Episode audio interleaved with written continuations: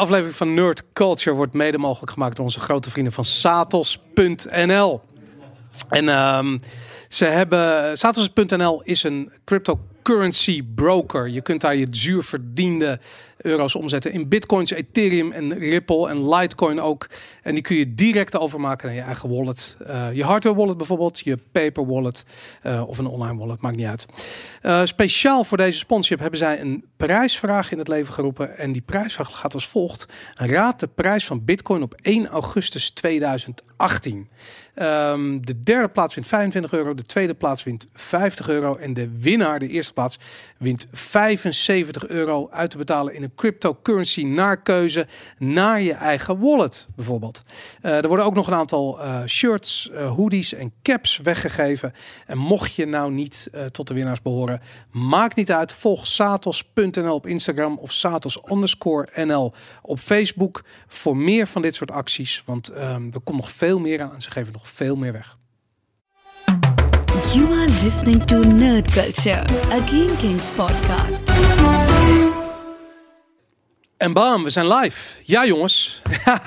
Hoi. Zag je me even die aankondiging helemaal live uit de losse mouw schudden? Dat ging heel uh, goed. Ging, goed, hè? Ja, dat, uh, ja, ja.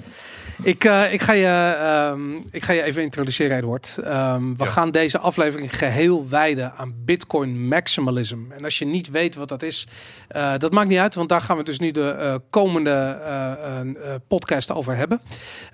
Eduard Dries is hier te gast. Um, uh, Eduard is crypto-ondernemer, toevallig ook directeur en eigenaar van Satos.nl. Ja, Dat is mede- aan de mede-eigenaar. mede-eigenaar. Dat is aan de ene kant eh, toevallig, aan de andere kant ook helemaal niet toevallig natuurlijk, omdat jullie ook sponsor zijn van deze eh, podcast eh, crypto eh, afleveringen. Eh, maar goed, dat is niet de reden waarom ik hier wilde hebben. Eh, de reden dat ik hier wil hebben is omdat ehm, ehm, ja, ik heel graag ehm, kennis wil delen en vergaren met jullie en met de community en met iedereen die luistert en die kijkt over Bitcoin en vooral over Bitcoin maximalism. En Ja. daarom is Koos ook aangeschoven en Koos Ja. vertegenwoordigt eh, de nieuwe generatie. Ik, ik ben een gepijnigd Bitcoin-eigenaar. Daarom inderdaad, ja. En dat, eh, jij bent ingestapt eh, ongeveer net voor de piek. en toen, Ja, ja, ja, ja. Nog, nog, nou, het is altijd nog op tijd, denk ik. Ja. Zeker op het moment waar we nu zitten. Mhm. Ehm, maar ja, net, Heb, ik heb je verkocht? Nee, Oké. nee, nee, helemaal niet. Dan, dan doe je het goed. Ik heb bij de eerste crash heb ik een beetje verkocht. Want Toen, zakte die ineens 40% of zo. Dat was nog vlak nadat ik hem had gekocht. Toen dacht ik, Mm. oh, dan verkoop ik snel, koop ik weer terug, eh, meer terug. En dan- toen heb ik mezelf flink in de vingers gesneden. En sindsdien verkoop ik niet meer wanneer Ja. het crasht. Of Ja. Ja, kijk, dat is een beetje het ding wat ik, wat ik veel hoor. Weet je, ik bedoel, ik praat af en toe in de media. Ik doe nog een, eh, een, een podcast voor, eh voor BNR Nieuwsradio over crypto. En ik merk gewoon heel veel van, hé hey man, je moet het echt over dit project hebben, deze ICO of deze coin. En het is zo fucking goed. En ja, Ja, ik zit al in ja, crypto ja. sinds april en ik heb al, eh, weet ik veel, 10.000 procent winst gemaakt. Ja. Weet ik veel. En, en dan denk ik echt zo, Jezus Christus, weet je. Ik bedoel, het is niet alsof ik er nou vanaf 2009 in zit, maar ik zit er een aantal jaar in. Mm. Ja. En ik zie de wereld veranderen. En Ja, ik heb zoiets van, ik vind het belangrijk om die context aan te brengen. En ja. Eduard, hoe, wa- wanneer ben jij begonnen met, eh, wa- wanneer werd bij jou het zaadje geplant voor Bitcoin? Eh, dat was 2013. Oké, Toen was ik net begonnen met mijn studie op het HBO, HBO Ja. rechten. En eh, eigenlijk net toen die studie begon, toen las ik over Bitcoin. Ja. En toen, toen dacht ik, hey, dit is spannend, dit is leuk. En eh, ja, toen eh, kon ik mijn huiswerk niet meer maken. Dus eh, ik was alleen maar bezig met Bitcoin. Ik, dat begon gelijk toen Dat al. begon, ja, dat begon niet gelijk, maar wel na een aantal dagen dat ik dacht van, nou, wat is dat Bitcoin? Het zal weer een of andere rare Mhm. internet eh, currency zijn, weet je wel, om, Ja. om stoute dingen mee te doen. En toen, ja, toen ging ik een beetje lezen en doen. En toen dacht ik, weet je wat, ik ga voor de grap eens Bitcoin kopen. En eh, dat ging niet goed. Dat is Mount Gox toen toch? Dat is de Mount Gox tijd. Voor Mount, ja, voor Mount Gox was dat nog. Ja. Ja. Ja, En eh, toen heb ik voor 5 euro Bitcoin gekocht om gewoon even mee te spelen, even te testen. 30 Bitcoin. Ja, ja, dat ging- nee, dat was, niet- nee, dat was geen. Dat was, denk toen stond hij op eh 70 euro. Ja.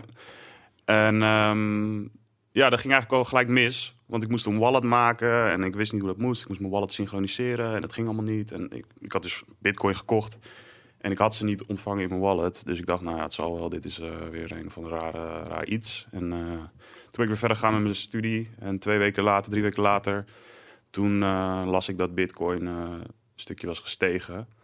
Toen dacht ik, nou, ik ga toch, toch maar even kijken of die 5 euro inmiddels misschien 20 of 30 waard is geworden. Dan, zo, ja, zo ben ik een beetje erin gerold. Toen in één keer deed mijn wallet het wel. En toen stond er inderdaad, ik had voor 5 euro gekost, stond er in één keer 30 euro. En ehm, toen ging ik kijken van, nou, wat moet ik hier nu mee? En toen ging ik weer een beetje lezen en doen. En, en uiteindelijk kwam ik, eh, ja, kwam ik een beetje in aanraking met die techniek. En dat, eh, ja, dat pakte mij heel erg. Vooral dat, dat decentrale stukje. En, eh, en gewoon het, ja, het was gewoon, het is gewoon magisch, magisch geld. Je kon het echt versturen van A naar B. En alsof je een e-mail verstuurde. Ja. Toen dacht ik, dit is, dit heeft potentie. En, en zo, en ja, toen ben ik eigenlijk gelijk gestopt met mijn studie en eh, ben ik me daar maar gaan verdiepen. Maar, Ja. maar, je, Een beetje je- een eh, sprong in het... eh, maar je bent dan be- begonnen net zoals velen, gewoon puur door prijsontwikkeling. En daarna ben je een beetje erin gerold. En, Nou ja, dat is wel. De prijsontwikkeling was. Vooral als je dan student bent en je begint net met, met dat soort dingetjes, dan, eh, dan houdt dat je natuurlijk wel enigszins bezig. Mhm. Ehm, maar dat was voor mij niet zoiets van. Ik had niet zoiets van. Oh, nu ga ik weer nog meer bitcoins kopen en ik ga rijk worden of zo. Het was echt, echt wel dat, dat stukje techniek dat ik dacht van. Hé, hey, dit wat grappig. Dat je dus gewoon nu via internet geld kan versturen naar elkaar. Alsof je een e-mail verstuurt. Zonder tussenkomst van banken en dat soort dingen.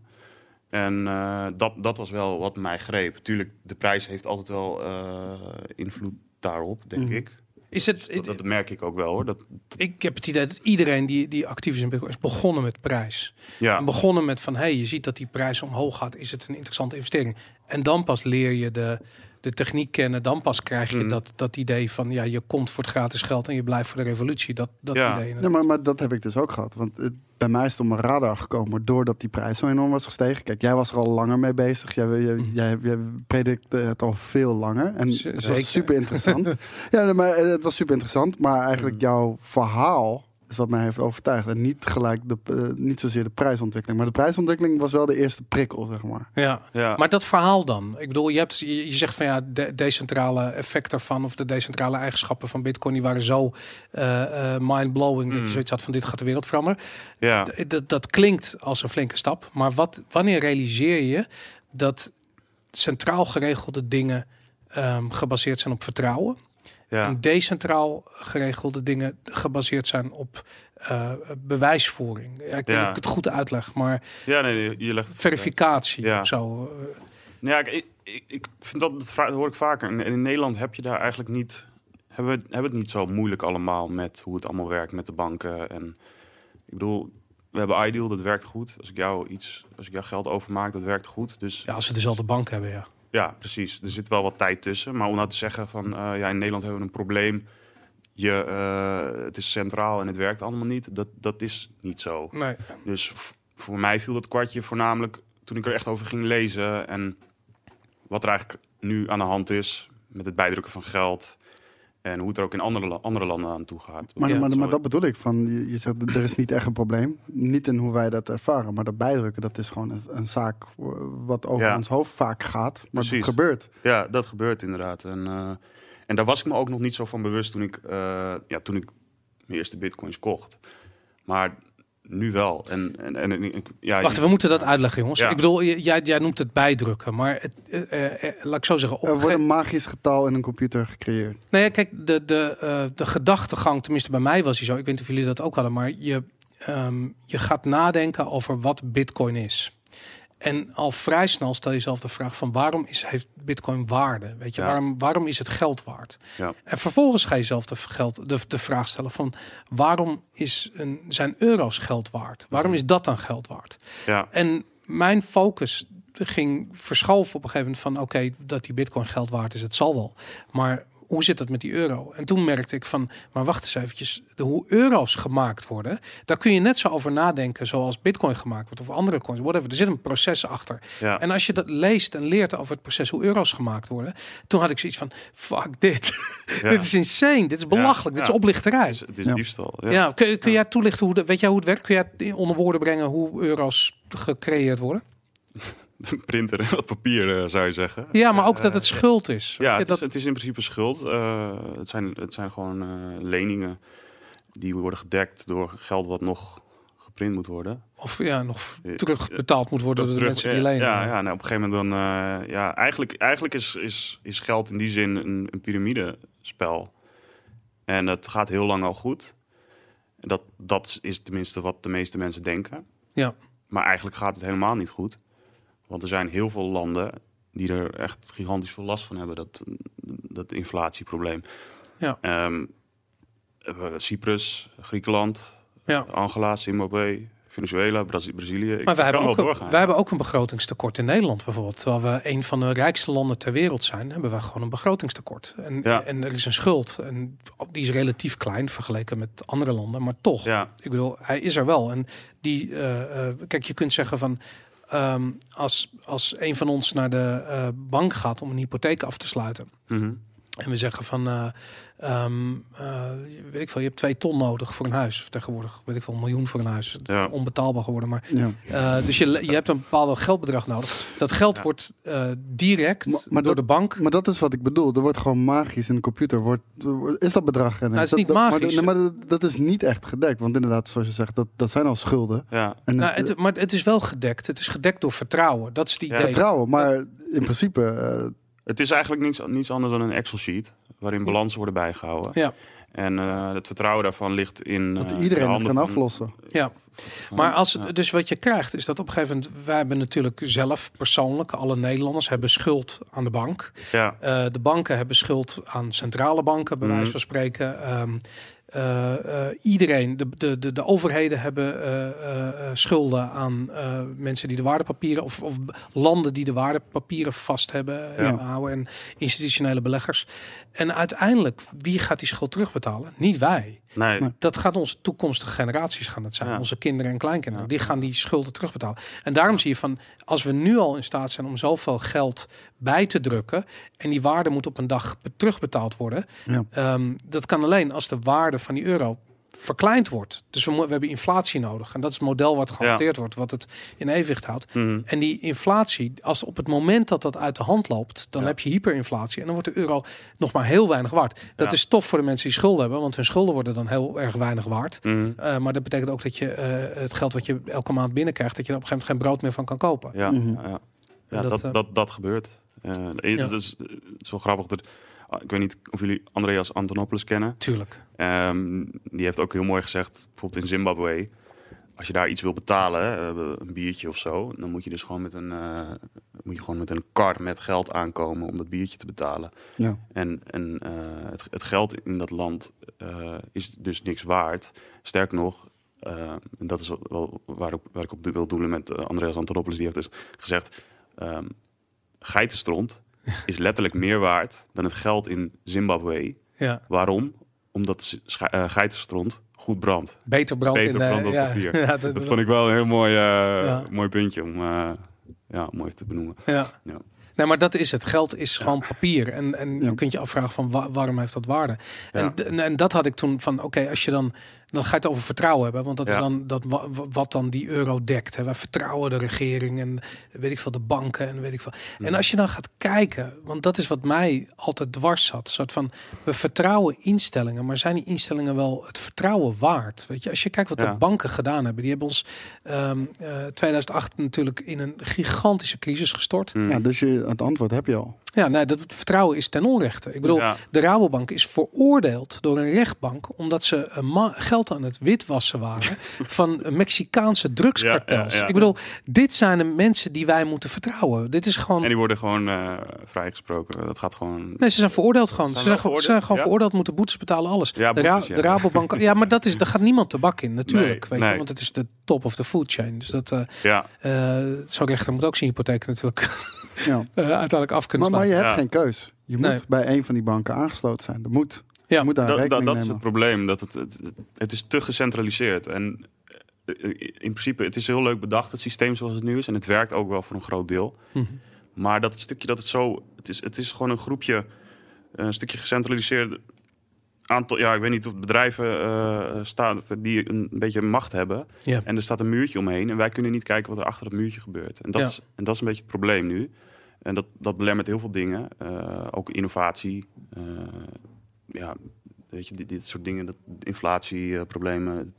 Is maar gewoon- is- politiek, eh, ja. ook eh, wetgeving. Er wordt Ja. zoveel gelobbyd van, vanuit alle kanten. ja. Eh, er, klopt geen, er klopt niks van. Nee. En, en, ja. Het, het gevaar is natuurlijk ook dat omdat het omdat het zo gecentraliseerd is, is er eigenlijk een single point of failure. Ja. Als het fout gaat, gaat het ook goed, gaat het echt goed fout. Ja. En dat zie je dus ook bijvoorbeeld weer met eh creditcardmaatschappijen die eh, gehackt worden, waar, waarbij in één keer 10 miljoen of 20 miljoen persoonsgegevens op straat liggen. Ja.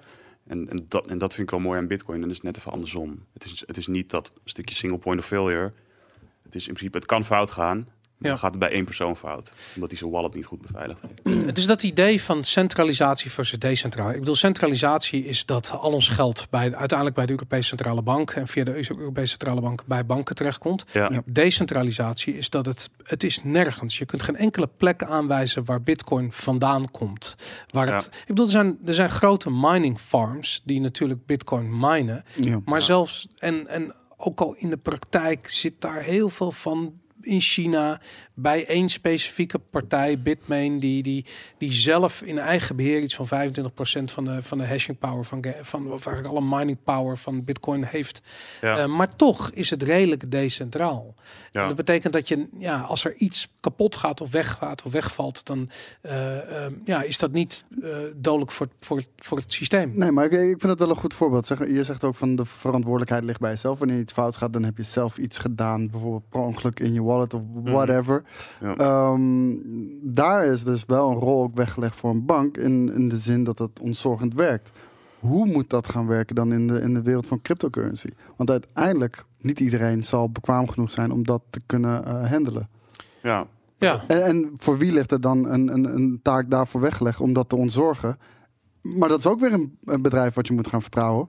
En als het groot genoeg wordt, ja maar dan mag corrumpeert ook weer, weet je wel? Ja, nou, wat je zegt is deels waar hoor. Eh, het, is, het is natuurlijk techniek die niet makkelijk is om te begrijpen. Nee. Ehm, maar je ziet nu wel door de jaren heen dat het wel steeds makkelijker wordt. ja. Dus toen ik mijn, voor mijn, mijn eerste bitcoins kocht voor 5 euro, toen moest ik letterlijk de hele bitcoin blockchain downloaden. Daar gingen dagen overheen. En ik moest backups maken. Dus dat was heel lastig. Ja. En je ziet nu dat er dus partijen zijn. Eh, denk bijvoorbeeld aan Nano Ledger, een, eh, de hardware wallet om, om je bitcoins mee te beveiligen, die het gewoon heel makkelijk maken om wel een transactie te doen op een veilige manier. Dus ja, makkelijker. Ik moet makkelijker. wel zeggen, eh, je steeds- moet nog steeds een beetje technisch onderlegd zijn om, om zo'n Ja. hardware wallet goed te behandelen. ja. Ja? Maar, dat Ik, ik zou mijn moeder daar niet mee vertrouwen. Ja. nee, Die, die vergeet eh, de wachtwoord van de Apple ID eh, elke keer. Ja. ja. Ja, inderdaad. Dus, ja. Maar, maar dat is, dat is Ja. dus ook wel een beetje wat we zien. Hè? Dat, het is nog steeds, het is inderdaad nu makkelijker, maar het wordt nog makkelijker. Ja. En waarschijnlijk komt er een moment waarop de gebruiker niet eens weet dat hij met bitcoin betaalt. Mhm. Je zou bijvoorbeeld, dat zie je ook in heel veel, eh, heel veel wallets al, staat er gewoon een eurobedrag bij. Kun je gewoon Ja. het eurobedrag invullen, stuur je 100 euro. En eigenlijk maakt het helemaal niet zo heel veel uit wat er achter de schermen gebeurt. Ja. Als ik eh, een betaling doe via die, die ING of, eh, of ABN, dan zal ook mij eigenlijk, ja, mij niet, maar de, de gemiddelde gebruiker zal het een rotzorg zijn hoe dat gehandeld wordt achter de schermen. En ik denk dat we met Bitcoin ook een beetje die kant op gaan. Dus Nee, dat, geloof ik hoor. ja. Van, van het zal rotzorg zijn eh, hoe het gebeurt. Maar daarom zeg ik ook, er moet iemand zijn die, daar, die, die dat dat- kan ontzorgen. Ja, Ja, hey, maar inmiddels zijn er heel veel verschillende, ehm, eh, hoe noem je dat, eh, eh, alternatieve technische, eh, andere blockchain innovaties, andere coins, ICO's geweest. Ik bedoel, die hele, ehm, ja, hoe zal ik het zeggen, die hele wereld wordt overspoeld met goudzoekers, speculanten en eh, ehm, En ook aan de andere Ja. kant, scammers. en scammers, heel veel scammers. Eh, ik, ik, ik heb daar persoonlijk best wel veel moeite mee. ja, Ehm, maar als je daar even gewoon objectief naar kijkt, van iemand die bijvoorbeeld kort in zit, ehm, die ziet niet het verschil tussen Ripple en Bitcoin. Die heeft gewoon zoiets van, hey, Ripple is een geavanceerdere versie van Bitcoin. Of eh, Monero is een privacy versie van Bitcoin. En ze hebben geen idee Nee. hoe, de, hoe de techniek zich verhoudt tot elkaar. Nee, nee, Ja. bijvoorbeeld een heel goed voorbeeld ook mijn vader. Die, die had heel veel Ripple. Ja, maar de- dat komt van de bank zelf. Dus dat, dat gaat het helemaal worden. Maar Ja. hij had geen idee Ja. hoe het werkt. En dat die tokens niet eens nodig waren. Omdat we hij nog denkt in dat vertrouwen. eh, eh, Ja. Ja, ze Ja. denken allemaal dat het gewoon, eh, het zijn allemaal internetcoins en je kunt ze uitwisselen en het stijgt in waarde. Maar eigenlijk, ze de meeste mensen weten helemaal niet waar, waar ze mee bezig zijn. Ja. En dat is best jammer. ja. Dat, dat zorgt er uiteindelijk voor dat je inderdaad eh, dat soort gasten als eh, BitConnect en Lamborghinis en dat soort toestanden krijgt. Ja. Wat op zich heel leuk is en grappig kan zijn. Maar waar winst wordt gemaakt, verliezen mensen ook vaak heel veel geld. En- Het- en, Sterker nog, het een kan niet zonder het ander. Precies, ja. Ja. Ja. Dat geld komt ergens vandaan. En wat je nu ziet is dat de mensen die er wel verstand van hebben, die verdienen geld. En de mensen die er niet verstand van hebben, die verliezen heel veel geld. Ja. En dat, ja, dat is jammer. Dat, maar dat, ja, hoe voorkom je dat? Ik denk dat dat vooral met nieuwe technieken, dat je dat altijd, dat beginstadium, dat, dat hou je altijd. Ja. Dat zag je ook met Bitcoin. De, het eerste jaar toen, toen Bitcoin, of de eerste twee, drie jaar, toen Bitcoin eh, bestond, toen was het geld voor criminelen. Mhm.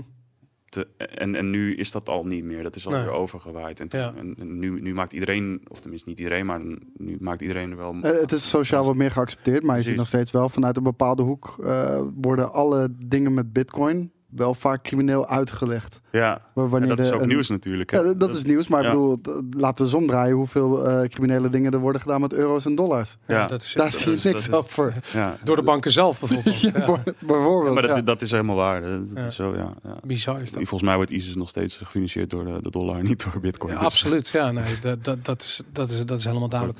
Ja. Hey, en ehm, eh, even kijken, dus we zijn bij dat decentrale aspect. Dus het feit dat er, dat er niemand achter Bitcoin zit. Ja. Als je dan naar die andere tokens kijkt, daar zit, Eh, ik heb een vraag. ja, Is dat niet ook een zwaktepunt? wat, dat er niemand achter zit? Ja. Wat, Kijk, wat, wat ik me voor kan stellen, bijvoorbeeld eh, je hebt Ethereum? Ja, en da daar zit eh, wel een, een centraal punt achter. Ja. En Ja. eh, daar is een visie, daar wordt gebouwd. En decentraal kan ik me voorstellen dat het een stuk lastiger is in ieder geval. om, je, je hebt gelijk. Ik bedoel, het, het krijgen van consensus. Ja. Ik bedoel, dat is het ding. Dat, dat Mhm. mensen, dat ontwikkelaars Dat, dat, met dat, is elkaar ook, eens zijn. dat is ook de kracht ervan hoor. Ja. Maar Maar, Ja. maar wat- bedoel je dan precies met dat er niks achter ligt? Want in principe, Bitcoin, het netwerk, wordt beheerd door duizenden eh, mensen. Dat is eigenlijk het achterliggende. Maar die moeten het eens zijn met elkaar. Ja, nou, Ja. wat je krijgt, jij kunt bij wijze van spreken een, een, een, een, een, een BIP-proposal indienen. Dus Ja. een voorstel voor het protocol, om een Mhm. protocol van Bitcoin aan te Ja. passen. Dat kun je, iedereen mag dat doen. Ehm, eh, je stelt dat voor. Nou, op een gegeven moment komt dat langs de, eh, de core developers Mhm. langs. Eh, dat komt op GitHub te staan. En dan is het nog maar de vraag of de, ehm, de, alle mensen die een full node draaien en iedereen die een, ehm, eh, eh, een een miner heeft, dat ze die software installeren, die versie van die software. En het is al vaker voorgekomen dat er een soort van ja, opstand is geweest. Ik bedoel, Bitcoin Cash komt eruit voort. Ja. Daarvoor die hele Segwit eh, eh, en de eh, user assisted eh, soft fork, heet Ja. die Ja, shit? Maar, maar, maar, activated dat, dat is geen goede reclame voor, voor Bitcoin. En zeker Bitcoin Cash in hoeverre ze ook proberen de, de, de, de, ja, de, de gemiddelde consument te misleiden door te zeggen dat dat Bitcoin is. Dat doet de naam wel heel erg veel kwaad natuurlijk. Ja. Ja, maar ik vind dat het mooie eraan. En, dan maakt het ook gelijk niet te vertrouwen. Als buitenstaander dan. Hè? Maar dat, dat hele ding, dat vertrouwen, dat vind ik zo ontzettend interessant. Ja. Omdat je, je bent, ik bedoel, het is ook menselijk. Hè? Wij- Ik bedoel, wij zijn allemaal opgegroeid in een wereld waar het draait om vertrouwen. Weet je, Mhm. we moeten onze ouders vertrouwen, onze Ja. school vertrouwen. Mhm. eh, Blind ik- vertrouwen. Ja, blind vertrouwen. We moeten Ja. onze overheid vertrouwen. Op het moment dat je ziek bent en je gaat naar het ziekenhuis, dan moet je dokters vertrouwen. En als je dan werkelijk ergens verstand van hebt op een gegeven moment, als je ouder wordt en je gaat zelf studeren, whatever, je leert dingen, dan merk je dat politici niet zoveel verstand hebben van de dingen waar ze over beslissen. Eh, doktoren niet zoveel verstand hebben eh, van Ja. gezondheid. Wel over ziektes, maar niet van gezondheid. Ehm, eh, bankiers eigenlijk in 9 van de 10 gevallen niet weten waar geld vandaan komt, hoe het systeem werkt. Ehm, enzovoort en zo verder. Dus je hebt, je- wij zijn geleerd om, om vertrouwen te hebben. En dat degene Mm. die, die dat heeft gedaan, die dacht van kinderen moeten leren om te vertrouwen. eh, Ja. Die hebben echt een, die hebben de mensheid echt teruggeworpen in de stenen tijdperk. ja. Weet je? Dat, is dat, dat, dat, dat is dat bruggetje ook wat voor mensen gewoon niet te begrijpen is. Ja, Dat je in één keer iets hebt waar- waarbij het vertrouwen niet bij één persoon ligt. Of bij nu een clearinghouse of de Ja. tussenpartij. Maar gewoon bij iedereen. ja, Het is gewoon een, eh, ja, het is, het is een- eigenlijk een revolutie ja. in die zin. Nou ja, het, het idee, als je er goed over nadenkt, weet je, eigenlijk alles wat we doen, wat, wat, wat, waarbij we waarbij onze acties in aanraking komen met andere mensen. Daarin speelt vertrouwen een bepaalde rol. Weet je, ik bedoel, je vertrouwt het kassameisje bij de, bij de supermarkt dat ze niet een eh, verkeerde eh, bedrag aansluit of dat er iets verkeerd gescand Ja. wordt of zo. Weet je, wij zijn de hele dag bezig met mensen te vertrouwen. En dat gaat vaak goed. En op de momenten dat het niet goed gaat, is er gelijk zo'n groot probleem. Ja. Omdat we hebben geen backup. We hebben geen backup voor vertrouwen. Dus je kunt je vertrouwen verliezen en dan. Ja. Veel, ple- veel plezier ermee. Je weet je, Ja. je kan als, cyni- als cynische lul thuis gaan zitten achter de gordijnen. Maar het helpt niet. Het helpt niet. Nee, je hebt hetzelfde probleem. Weet je? Ja. Ik bedoel, je koopt online iets. Je mag maar je, het vertrouwen hebben dat het ook daadwerkelijk geleverd wordt. Want Ja. er is geen Ja. garantie. En dat, daarbij, toen ik me dat realiseerde van fucking hell, weet je, vertrouwen is, is, het is bullshit. Weet je, Ja. ik bedoel, tuurlijk kun je mensen vertrouwen en is het belangrijk om mensen te vertrouwen. Maar het zou fijn zijn als er een backup was voor dat vertrouwen. Ja. En dat is er niet. Dat is er niet in menselijke omgang. Tenminste, er zijn mensen die dat dus wel doen en die dat wel hebben. En dan, eh, eh, ja, dat zijn mensen die heel erg goed zijn. Die mag naar zich toe trekken. Weet je, ik bedoel, Ja. ik weet zeker dat Poetin niet veel mensen vertrouwt, maar daar een fantastisch systeem voor heeft geïnstalleerd om ervoor te zorgen dat hij een backup heeft. En ja, zo Hmm. dat soort mensen heb je wel inderdaad. Ja, Ja, tuurlijk. Denk Ja. erover na. Maar 9 van de 10, wat zeg ik? Ik bedoel, 99 van de 100 mensen denkt niet na over, over wat vertrouwen is. Ja, maar terugkomend op mijn vraag. Ja, Vind je dat niet eh, een gevaar ook voor Bitcoin? Dat iedereen het met elkaar eens moet zijn dan? Dat er, dat er niet één eh, leider is die een visie heeft en die het eh, pad uitstippelt? Want kijk, sommige mensen weten het gewoon beter dan anderen. ja maar het probleem is als je Kijk, die leider hebt, dan moet je die leider vertrouwen. Ja, nee, maar, nee, maar dat, dat is wat ik zeg. Dus het is ook de kracht, ja, maar het is ook een gevaar. ja. Maar het Ja. is geen kracht. Wat is de kracht? Nou, je Wat is krijgt sneller dingen voor elkaar. Kijk, be- la- laat ik het betrekken met Apple bijvoorbeeld. Als daar geen Steve Jobs zou zijn geweest en het hele bedrijf mocht met elkaar eh, tot de overeenstemming komen welke weg ze gaan bewandelen, welke producten er gemaakt Hmm. worden, Ja, dan waren ze Maar- niet het bedrijf geweest wat ze nu waren, bijvoorbeeld. ja, Ja, maar dat, dat vind ik zo mooi aan die hele open so- source eh, community. Is dat inderdaad, Bitcoin is super decentraal. En Ja. het, eh, je, misschien ben je het ermee eens, misschien ben je het er niet mee eens. Maar als je het er niet mee eens bent, dan zijn er nog heel veel andere currencies die misschien wel aansluiten bij jouw wensen. ja. Ja. Zoals bijvoorbeeld een Ripple. Of misschien wel een Ethereum die zegt, nou, wij, wij vinden het wel belangrijk dat we nog wel enigszins eh, de touwtjes in handen hebben als het neerkomt op development. En dat, dat vind ik zo mooi, weet je wel. Je hoeft niet Bitcoin te gebruiken. Nee, maar da- da- daarom ben ik ook niet een pure maximalist of zo. Daarom geloof ik altijd wel dat er ook eh, altcoins zullen blijven bestaan. Ja, ja ik heb dat dus niet. Ik denk dat, dat alle al- altcoins weggaan. Allemaal. Allemaal. Ook de privacy coins. Ook de privacy coins, alles. alle tokens ook en zo. Alle Maar je- tokens, maar dan alle even eerste... mijn mening veranderen. Want ooit heb je mij gezegd dat privacy coins, dat zal altijd een vraag voor zijn. Ja, maar ik denk dat Bitcoin, eh, laat ik zo zeggen, ik denk dat er eh, En dat je op Bitcoin verschillende lagen komen en dan komt Ja. nog een laag die helemaal gespecialiseerd is in privacy.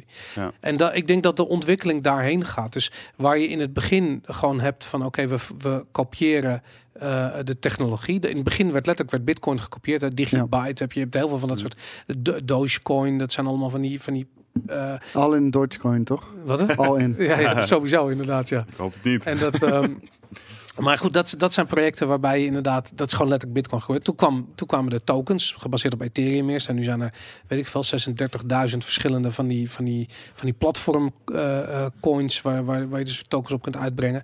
Eh, ik denk dat het allemaal gaat verdwijnen, omdat er uiteindelijk maar vraag is naar één ding. En dat is een, eh, een werkelijkheid die te verifiëren is, die niet gebaseerd is op vertrouwen, eh, die gebaseerd is op een, een eh 100% zekerheid als het gaat om Mhm. financiële transacties. Ja. En bovenop die zekerheid kun je allerlei functies en eigenschappen bouwen, zoals privacy of weet ik veel. Misschien vind je het heel belangrijk dat die eh, transactie instant is, maar ben je Mhm. bereid om een klein beetje veiligheid in te leveren om juist snelheid ervoor terug te krijgen? Nou, dat kan. Weet je. Ik bedoel, dat ga je niet doen als je een huis koopt, maar dat ga je wel doen als je een kopje koffie koopt, eh, whatever.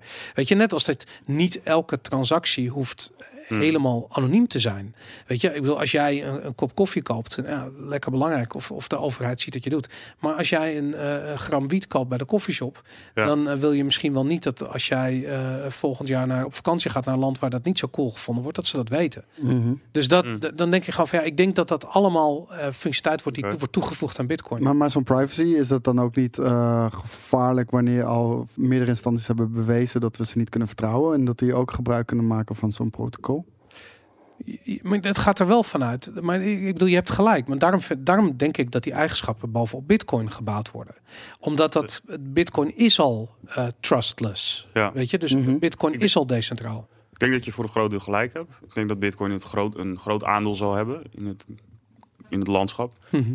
Maar ik denk dat er wel plaats is voor eh, een aantal tokens die echt een use case hebben. Die Zoals wat? Ge- geef eens wat voorbeelden. Wat, wat, wat je zou kunnen verwachten van, van functionaliteit van tokens. Wat niet bovenop eh, eh, de Bitcoin blockchain gebouwd kan worden. Eh, ja, ik denk sowieso, zeg maar het stukje smart contracts, ERC20 tokens. Ja. Ehm, een mooi voorbeeld is Ion. Ik weet niet of je Ion kent. Nee. Die zijn er zeg maar een bridge aan het bouwen. Dus wanneer, waarbij je dus tokens, eh, bijvoorbeeld Ethereum tokens, naar een Bitcoin blockchain kan sturen. Of naar een eh, Ethereum. Een soort atomic swaps. eh, Ja, alleen dan nog net even wat geavanceerder. ja. Dus ja, ik denk dat daar wel plaats voor is. Ik denk dat er een aantal grote partijen zijn Mhm. straks. die inderdaad 99% van de markt hebben. Maar om, ja, ik, ik zie het meer als... We gaan een stukje terug in de tijd. Je hebt heel veel verschillende tokens. En ehm, ja, iedereen heeft eh, ergens voorkeur bij. Net als Maar dat je maar- vroeger, zeg maar... eh, jij wil graag schelpen eh, ruilen voor, Ja. voor graan. En de ander die wil graag... Maar ik, ik, ja. ik, ik hoor je wel. Ik, ik, Ja. Het is meer dat, dat ik... en ik zie ook de speculatieve waarde van al die projecten. Absoluut. Ik bedoel, ik zie Ja. gasten... we- we- we- we- ik, ik heb een keertje voor een, een soort van... Zonder Mhm. wat, dat ik dacht, wat ik, eh, of dat ik wist wat ik aan het doen was, had ik een miljoen eh Ja. Verge gekocht voor 300 euro. En toen heb ik het verkocht voor 800 euro. en toen werd het later anderhalve ton waard. Maar het, het gaat... Ah, het, leuk. het- Ja, ja, ja, dat ja. gebeurt. Maar het gaat met meer. Ik zie wel de speculatieve waarde van, van al die projecten. ja. Maar uiteindelijk, de- als je kijkt naar wat al die projecten te bieden hebben, Mhm. het is allemaal hetzelfde. Alle blockchain technologie is gebaseerd op de, eh, op de gedachte dat er niet één central point of failure gaat zijn, maar dat, er, eh, ja, dat je blockchain gehost wordt door verschillende partijen. Het Ja. liefst self-sustaining, dus omdat ze eigen tokens hebben, dat mensen het Mhm. zelf minen enzovoort enzovoort. Ehm, maar het maakt geen sens. Als, als de Bitcoin blockchain de meest veilige, meest Mhm. decentrale, meest geminde, eh, meest waardevolle, om diezelfde Ja. reden, het, coin gaat zijn. Ja. Waarom zou je een andere blockchain kiezen om je technologie op te hosten? Op dit ogenblik snap ik wel het antwoord op die vraag, namelijk dat de technologie is er niet om dat bovenop Bitcoin Mhm. te doen. Maar geef het tijd. Weet je, ik bedoel, we zien al Lightning Network. Maar ook omdat er niet Ja. één kapitein dus is. Nou, maar ik- Nou, maar je kun, jij mag zelf je, je nieuwe laag bovenop Bitcoin bouwen als je dat wil. Ja, Mhm. en dan wordt het een fork of... Nee, dat wordt geen fork. Dat wordt gewoon, Gewoon, functionaliteit gebaseerd op. eh, en die maakt gewoon een Lightning gebruik van- Network. ja, Lightning Network is een goed voorbeeld daarvan. Ja. Weet je? En dat is de eerste keer dat we het echt zien, gewoon. Dat we het echt zien werken. En dat we gewoon echt zien van. Het was een volledig conceptueel ja. eh, eh, eh, project. En eh, Hmm. het is al best wel oud. Er is heel lang aan gewerkt. En Ja. het is, we zien het nu werkend. Dat is Ja. insane. Dat is Ja. echt bizar. Ja, ik, ik ben het deels met je eens. Eh, ik, ik, ik denk dat die, ja, ik zie tokens meer als een soort van aandelen. Ik bedoel, eh, aan de ene kant, ICO's die zijn heel gevaarlijk. Die verliezen heel veel mensen heel veel geld. Ja. Daar kan je wat van vinden. Aan de andere kant opent het wel deuren. Want nu zijn er in één keer heel veel bedrijven die allemaal eh, budget hebben om eh, vette dingen te bouwen. Ja. En er zitten natuurlijk heel veel scams tussen. Uh-huh. Maar er zitten ook wel een aantal projecten tussen waarvan ik wel gewoon kan zeggen van dit is wel echt vet. Alleen, ja, natuurlijk. eh, alleen de, het hele gevaarlijke is, de- die halen zoveel geld op zonder überhaupt nog één ding te hebben gebouwd. En dat Ja. is weird, vind ik. Ja, ja dat zijn die projecten waar, ik het, waar, waar je dan denk je vraagtekens bij moet hebben. Ja. Maar er zijn, er zijn ook wel echt projecten eh, die al dingen gebouwd hebben. Maar ik bedoel, dat, dat is die crypto weet je wel. Ja. Eh, Zodra je maar blockchain in de naam zet, me- mensen springen er bovenop. Ja, ja, ja. Het is, eh, dat, is, dat is zeker waar. ja. Er is toevallig van de week, en ik, schaam me zo dat ik de naam van die jongen vergeten ben. Het is een Belgische, ehm, volgens mij is hij net afgestudeerd, ik weet niet precies. Hij heeft een heel artikel eh, geschreven over, over het Lindy-effect. En eh, weet jullie wat het Lindy-effect is? Nee, je hebt me gezegd dat ik het moest studeren. Ja, maar inderdaad. Ja, Nee, ik maar heb het niet eh, gedaan. Ik heb er niet naar gekeken. Het Lindy-effect, eh, er was een deli in, eh, op Broadway in New Mhm. York. En eh, die heette Lindy volgens mij. En ehm, die hielden bij hoe lang eh, eh, shows liepen op Broadway van die, van die theaterproducties. Ja. Eh, dit komt trouwens uit een boek van eh, ehm, eh, Taleb. Uh, hoe heet die? Nicholas Nassim Taleb. Hij is een Mhm. filosoof en econoom en was Wall Street trader. Een groot fan van die guy. Maar die ehm, hij heeft een boek geschreven. Hij heeft een aantal boeken geschreven. Ronald Black Swan, wat een soort van mijn bijbel is geworden op een gegeven moment. Ehm, en hij heeft nu net Skin in the Game geschreven. En daar gebruikt iedereen ook die term Skin in the Game de hele tijd. Maar eh, hij kwam met het, met het linie-effect op de proppen. En daarin zei hij dat ehm, ehm, eh, als een een musical op Broadway, dat was het woord dat ik zocht, als die 100 dagen loopt, is de kans groter dat hij 200 dagen gaat lopen. En als Ja. hij 200 dagen loopt, is de kans groot dat hij daarna nog 200 dagen gaat lopen. Dus hoe langer iets bestaat, en dit, dit werkt Mhm. alleen voor diensten of technieken of dingen die niet eh, eh, vergaan. Dus het gaat natuurlijk niet voor eten en, en, eh, dingen die wegrotten, maar ehm, eh, dingen die niet vergaan, die zijn dus onderhevig aan het Lindy-effect. En hij is gaan kijken van hoe werkt dit in economische processen. En hij zag bijvoorbeeld, eh, die, of tenminste die, die, die, die, die Belgische eh, jongen die het artikel heeft geschreven op, eh, op Medium, die Mm. kwam vervolgens ook aanzetten met de vergelijking met de VS videorecorder. En VS en Betamax zijn elkaar, VS was van JVC en Betamax was van Sony. En die zijn elkaar echt te lijf gegaan. En Ja. Betamax was de betere ehm, eh, Techniek. betere techniek. Mm. Maar VS was iets goedkoper. En nou goed, en het, het, het, het was met elkaar bezig. En toen op een gegeven moment, toen had VS had porno. Die ging porno ondersteunen. Het was klaar. Ja. En toen werd Ja. het groter en groter. En doordat het groter en groter werd, werd het groter en groter. Ja. En hoe langer het bestond, hoe langer eh de En toen kans maakte de dat het bleef techniek dus niets uit. Nou, die techniek die werd wel beter. Maar het ging om het, het effect. ging niet om de techniek in eerste instantie. Nee, maar dat bedoel ik. Van, ze hebben niet Mm. gewoon door techniek, doordat ze de betere waren. Nee, ze hebben ge- gewonnen door, door, door, door, door adoptie eigenlijk. Doordat, Ja. doordat meer mensen het gingen gebruiken, gingen meer mensen Ja. het gebruiken. Ja. Dat, dat, wat ook wat netwerkeffect wordt ge- eh, genoemd. Hij noemt dat het Lindy-effect. Ja, Eh, en dat Lindy-effect is specifiek van hoe langer iets bestaat, des te langer gaat het bestaan. ja. Totdat er een betere techniek komt.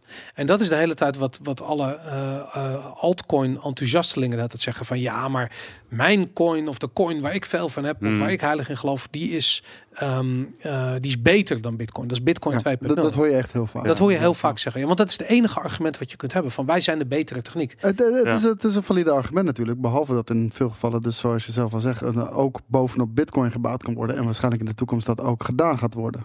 Nou ja, de- de- wat, wat zij zeggen, het, zij zeggen niet dit is een betere techniek. Ze zeggen vaak dit gaat een betere techniek worden. ja. Ja, er is nou, een ook groot verschil. eens, ja. En dan, daar- alleen daar gaan we alweer van. Dat is weer vertrouwen. Weet Ja. je? je moet Mm. mensen op hun woord geloven. Want wat ze doen, ze kopiëren een bestaande coin of een bestaande functionaliteit door een token te bouwen op, op basis van Ethereum bijvoorbeeld. ja. En die ehm, eh, vervolgens eh, bouwen ze dus voort op iets wat nu bestaat. Ja. Dus Bitcoin Cash kopieerde Bitcoin, had dezelfde eigenschappen. Ja. Ehm, maar nu zie je van, hey, Bitcoin heeft Lightning Network en Bitcoin Cash niet. Ehm, dus Ja. Bitcoin is verder. Dus waar is dan al die innovatie in Bitcoin Cash? Die is er niet. Nee, En dat, Da- daar ben ik het met je eens. Maar dan heb je het eigenlijk over, niet zozeer over denk ik tokens, maar meer over de echte altcoins, de alternatieve coins. Ja. Dus de coins die eigenlijk een fork zijn van Bitcoin, dus Ja. Litecoin. Ehm, wat, heb je, nog- ja, wat heb je allemaal tegenwoordig? Wat, Bitcoin Cash, ja. eh Dogecoin, dat soort coins. Digibyte is ook zo'n coin. Er zijn er heel veel. Ja, ja. maar met, als, je, als je het echt gaat hebben over de tokens, dan denk ik dat we een beetje dat we het toch wel een beetje moeten gaan vergelijken met, hoe, met het huidige systeem. Namelijk, eh, je hebt een idee Mhm. En je gaat naar Kickstarter of je gaat naar angel investors. ja, En je zegt, ik ben bereid zoveel van mijn aandelen af te staan voor dit idee. ja. En eigenlijk is dat met token sales niet, niet anders. Mhm. Behalve dat die tokens echt eigendom van je zijn en je ze op je Nano Ledger hebt staan. ja, maar het is geen eigendom van het bedrijf. Je nee, krijgt geen dividenden, geen nee, maar je krijgt wel vaak een beloning. Bijvoorbeeld via een proof-of-stake systeem of eh, ja, op andere manieren. Huh. Ehm, omdat jij bijgedragen hebt aan de funding van, die, van, van, die, van dat idee, van, dit, van dat decentrale bedrijf, om het dan maar zo te zeggen. Ja, maar die, maar, maar die beloning, dat is een speculatieve beloning. Ja, En die is er nu.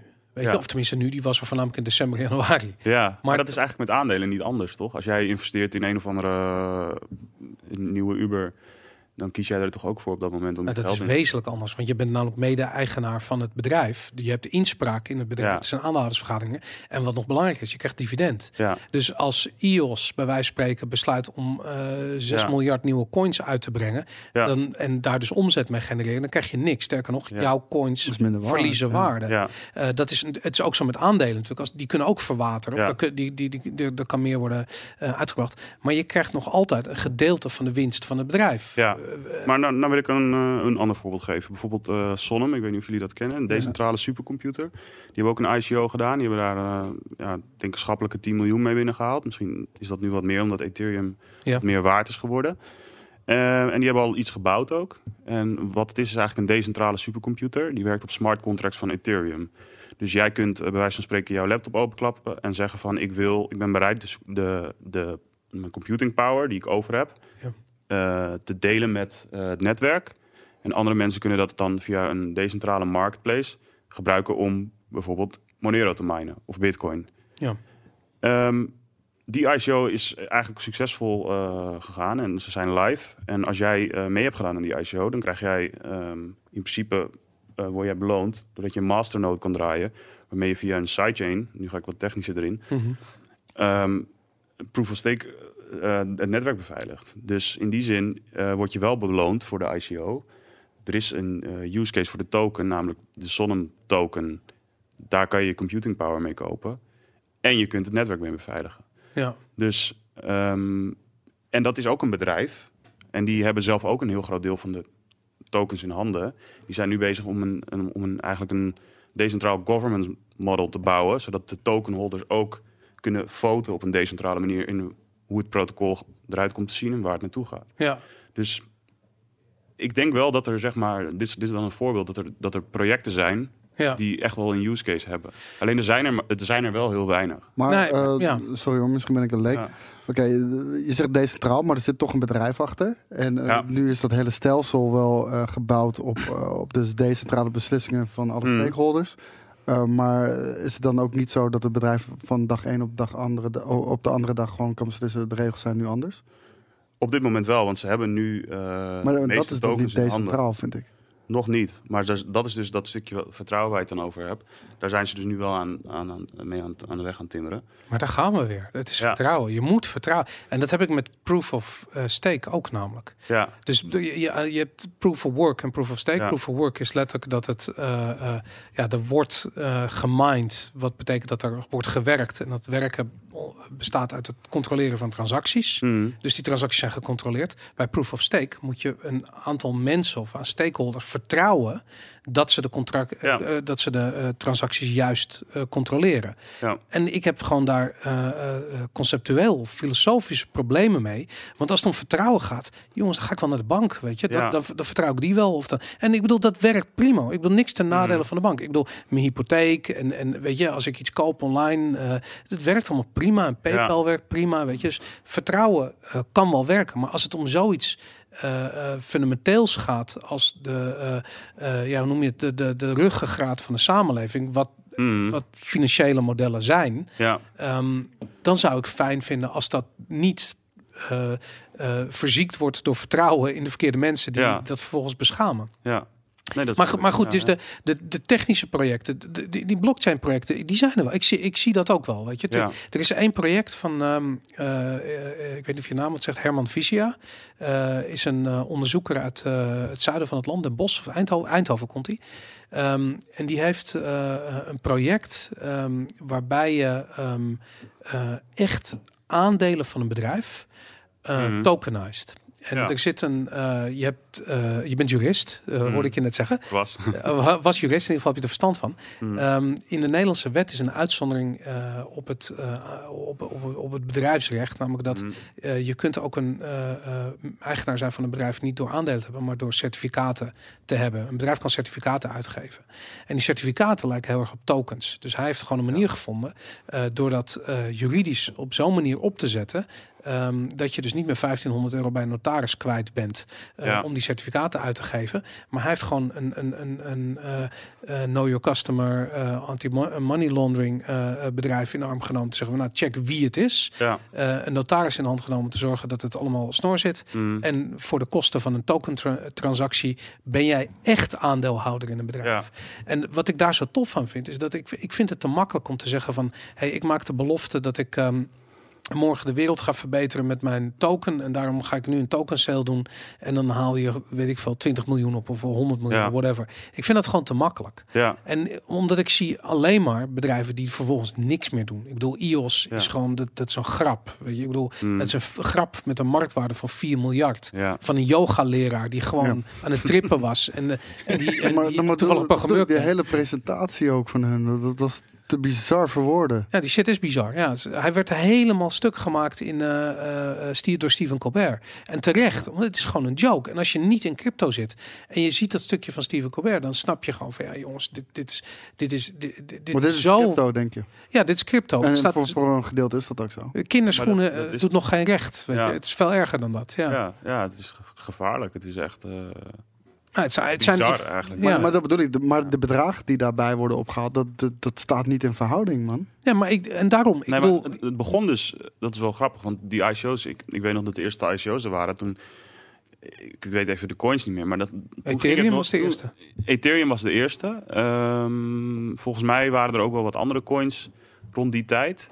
Maar toen haalden ze, ja, Ethereum heeft wel veel opgehaald, maar Ja. de meeste coins haalden misschien 50.000 euro, 100.000 euro op. Ja, En dat, was, dat vond ik schappelijk, want dan kan je inderdaad een start maken. Nou ja, dan kan je misschien eh, een aantal maanden iets vets mee bouwen. ja. Eh, maar nu, ja, ik weet nog dat er op een gegeven moment was een status ICO. Die gasten die hadden volgens mij 150 miljoen binnengehaald. ja. Dat ik denk, ja, wat moet je ermee, weet je? Ja, dat, eh, kijk, ik, een paar miljoen, dat snap ik nog wel. Daar kan je de komende paar jaar mee ontwikkelen. ja. Maar ja, 150 miljoen. Nou ja, maar dat zie je bij, als je kijkt naar Ripple bijvoorbeeld, die hebben ook een gigantisch hoeveelheid geld opgehaald met een ICO.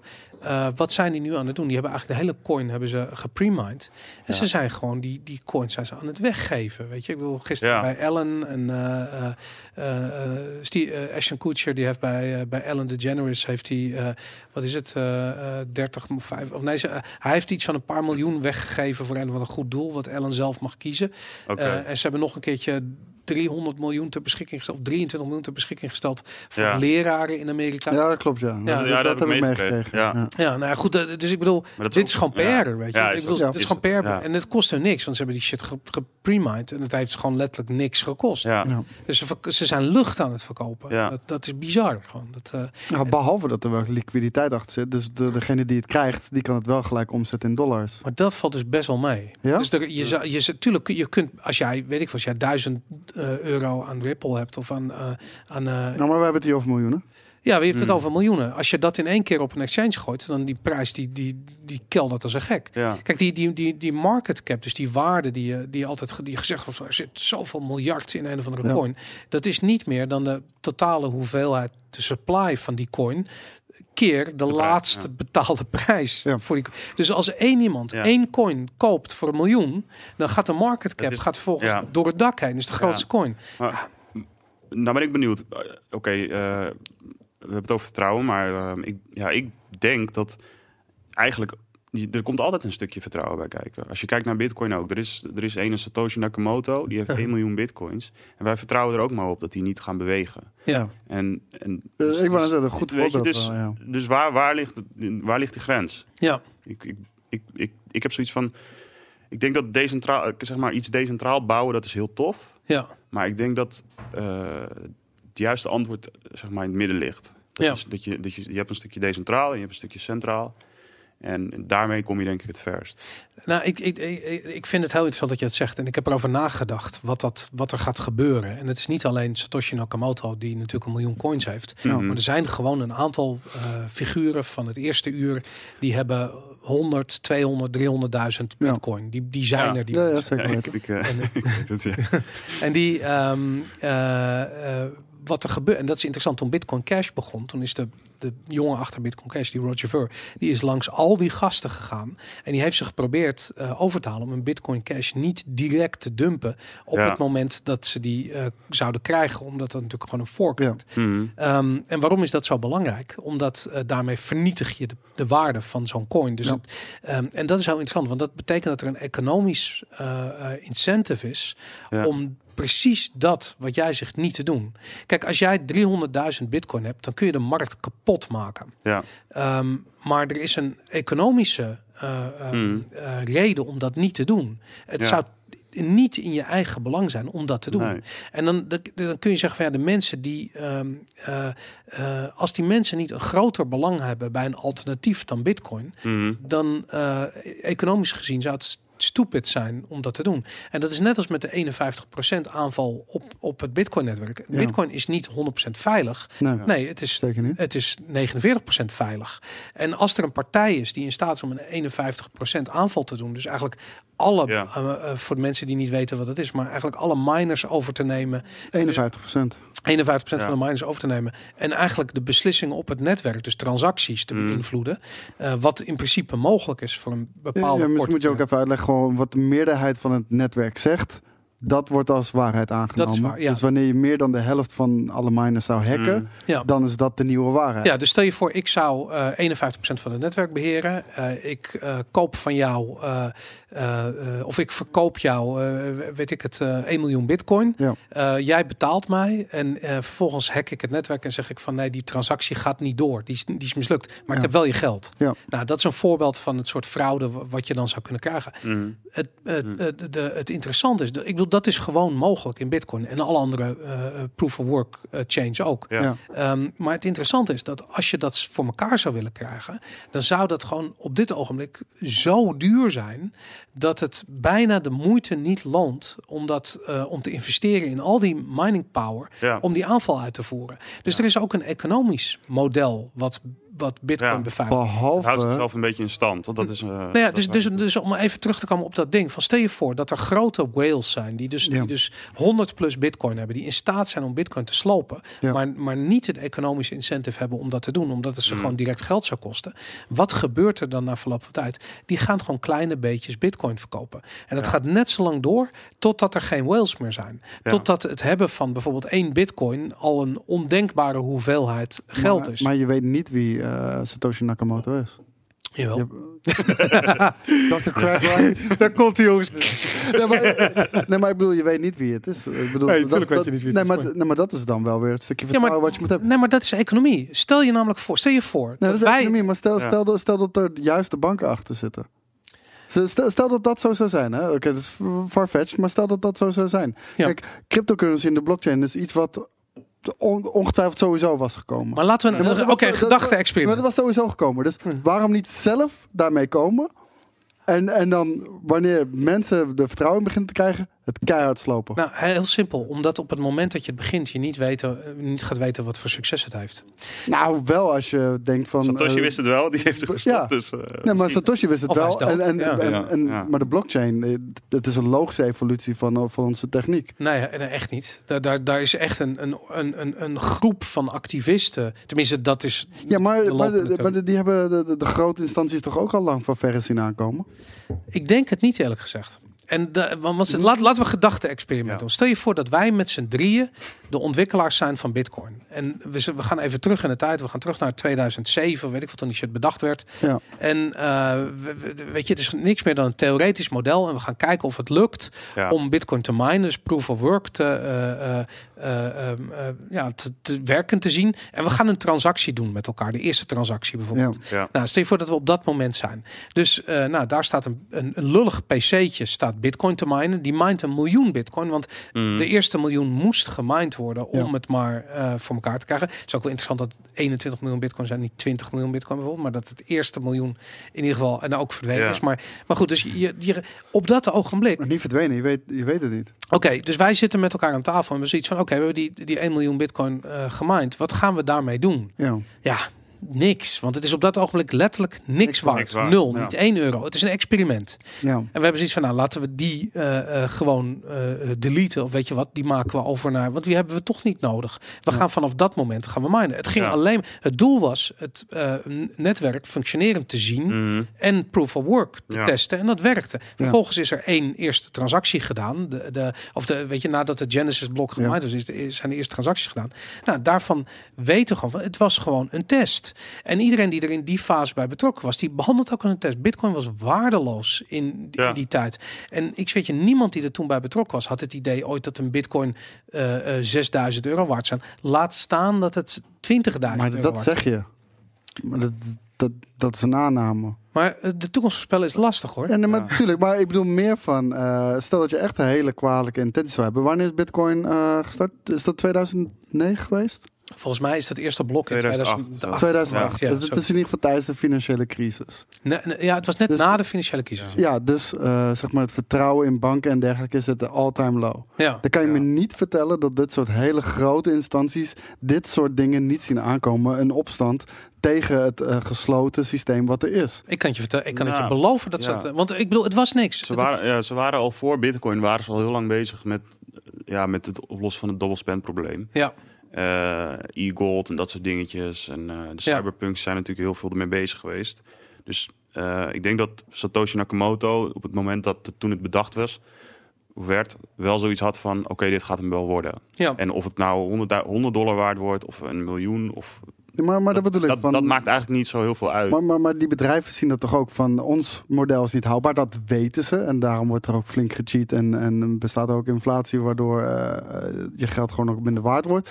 Maar ehm, dan is dus de, dit is een alternatief wat een Hmm. gigantische bedreiging vormt voor de gevestigde orde. Maar als ze dat toen hadden Ja. gezien, hadden ze wel bitcoin gekocht. Nee, nee, nee maar, Dan hadden ze gezorgd dat behalve, ze... wel, ja, ja. behalve als ze het zelf hebben gemaakt. Maar ze hadden het kunnen minen. Nee, maar je kunt Ja. dit niet maken en Nee. bedenken. Laat ik zo zeggen, de, Eh, eh, als, je, als je eh, belang bij iets ik, ik anders moet zeggen, dit is, eh, ik, ben, ik ben gewoon aan het Ja, je bent het advocaat van de. Ja, ik ben, ik ben gewoon aan het Ja. fantaseren. Een beetje een mooi complot. Ja. Maar eh, als er geen grotere bedreiging is voor de gevestigde orde dan Bitcoin, hoe Ja. geniaal zou het dan zijn dat zij erachter zitten en vervolgens, wanneer mensen dus echt massa, want we zijn nu nog heel vroeg, Ja. maar wanneer echt de adoptie gaat plaatsvinden, dat zij die hele shit crashen, dat niemand het ooit meer durft aan te raken.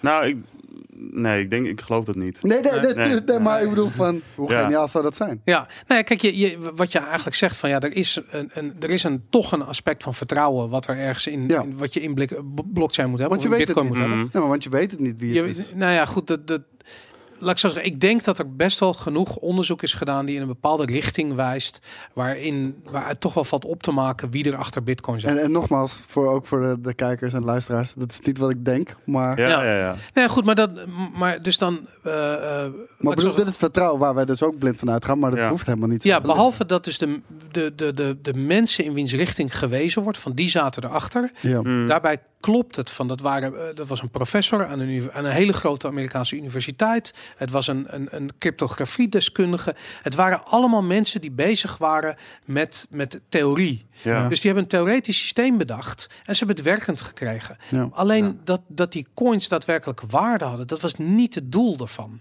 Het, was, het, het doel was om het theoretische model werkend te krijgen. En dat hebben ze Ja. gedaan. Ja. En dan hebben ze het losgelaten. los, ja. Want je kunt namelijk niet voorstellen dat er, eh, eh, wat is het, 38.000 petahash aan mining apparatuur Dat had vervolgens. niemand, nee. Dat, had niemand nee. kunnen ver- verzinnen, weet je. Het was, het, het, waren, het was één PC als eerste. En toen waren het er Ja. misschien 30. En ik denk dat ze al op hun kop stonden toen het een keertje duizend PC's waren. Ik Ja. bedoel, het is totaal niet Wauw. veilig. Maar het, het, het ging om het theoretische Ja. idee. Ik, bedoel, als je dat theoretische idee hebt, dan kan je, eh, heb je ook wel een visie en dan kan je dat ook wel voorstellen. Nee, ik denk het niet. Ik denk niet Ja, dat je waarde in de toekomst kunt voorspellen. Kijk hoe moeilijk dat is. Niet, niet zozeer waarde, maar adoptie wel.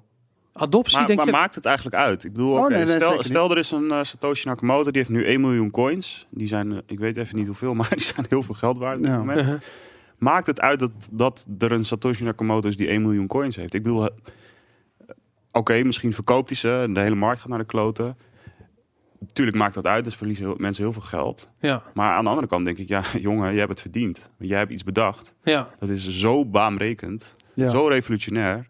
Laat me vindt- lekker genieten maar van die, van die 1 miljoen ja, maar je hebt coins. verdiend. Ja. Maar, wanneer je 1 miljoen coins eh, gewoon op de markt dumpt, dan gaan mensenlevens kapot en dan gaan mensen een, eh, een einde Ja. maken aan hun Maar, leven. maar niemand die dat- goed dat- bij zijn hoofd is, doet dat. Ik bedoel, Nee. je verkoopt gewoon... En daarom dat- gebeurt het ook niet. Nee, nee, Nee, maar oké. je verkoopt het over de counter. Dat is hoe grote hoeveelheden bitcoin wordt verkocht. Ja. Ja, nou, je hebt gelijk, tuurlijk. Er, en ik, ik, ik zat, er zijn meer dingen aan bitcoin waarvan je zoiets hebt van... pff, weet je, ik bedoel... eh, weet je, we zagen in december nog de... de, de Stel dat het Craig. Wright was geweest. Ja, zo'n ding voor dat hij Satoshi was. Dat zou Ja. ja. Hij is eh, een oplichter die zichzelf uitgeeft voor mensen die dat niet weten als eh, voor Satoshi Nakamoto. Maar ehm, kijk, er zijn meer dingen aan Bitcoin. En laatst toen zei iemand tegen me van, je moet niet vergeten dat Bitcoin op dit ogenblik de versie van Bitcoin die uit is, dat is 0.16. We zijn Ja. gewoon nog vreselijk Nee, maar, we zijn beta. heel, maar daarom zeg ik, we Dit- zijn nog heel erg vroeg. En ook voor de is- mensen die in januari zijn inge- ingestapt eh, en heel ongelukkig nu eh 75% van hun inzet kwijt zijn. Ja. Je, Ja. je staat is- nog steeds helemaal op het begin. Ja. Voor de mensen die denken dat Bitcoin over is, kijk even naar vorig jaar. We staan nog steeds drie keer zo hoog als vorig jaar. Trek je dat door en je zou dezelfde ontwikkeling doormaken, dan sta je op het einde van het jaar op 60.000. ja, en los van die waarde. Want ik, ik vind die, Nee, waardediscussie is altijd... die- Maar die waardediscussie zorgt er wel voor. Ik heb genoeg mensen gezien, eh, ook Ja. dichtbij, die op een gegeven moment toch een beetje beginnen te twijfelen aan Bitcoin door de ontwikkelingen die er zijn plaatsgevonden. Ja. Mensen die het, eh, het graf inschrijven door de prijsontwikkeling. Maar als je even objectief een, een stapje naar achteren doet, dan zie je dat het helemaal niet Nee, maar- voor nee. En de, fundament, de fundamentals zijn nooit beter geweest. Die worden zelfs met de dag beter. Dat, Ja. is, Ja. dat is het bizarre. En dat, ja, Eigenlijk zeg je, eh, Bitcoin is gewoon nog een gigantisch experiment. ja, Want eh, hè, wat je zegt, we zitten op versie eh, 0.16 0.16. ja, En eigenlijk is Bitcoin ook niet niks anders dan een grote ICO van het Lightning Network. ja. En het moet allemaal maar werken. Maar op het moment dat het een keer misgaat met het Lightning Netwerk, dan Ja. gaat ook alles weer op zijn gat. Ja. Dus ja, weet je, het vertrouwen. Ja, we moeten gewoon eventjes vertrouwen dat, eh, dat de techniek die we eh, gebruiken, dat dat gaat werken. ja. En dat is denk ik tijd voornamelijk die dat gaat bewijzen. Het, het is wel één centraal thema geworden, deze podcast. Vertrouwen. Vertrouwen. Ja, maar het is grappig dat deze Ja. podcast over Bitcoin maximalism gaat en dat het eigenlijk over vertrouwen gaat. Want het is Ja. gewoon hetzelfde. Ja. Want het is namelijk precies dat vertrouwen wat ik niet heb in alle andere projecten behalve Bitcoin. Ja. En dan wil ik niet zeggen dat ik Bitcoin blind vertrouw, want daar, is, daar, daar kunnen ook dingen van. Maar ik ben zo sceptisch over letterlijk alle andere projecten. Dat, eh, eh, ja, dat is insane. Volgens mij moeten er Maar nog dat wat is denk ik ook heel komen. goed. Kun je nog wat- Oh, je hebt een hele sixpack daar. Dat, eh, Oh.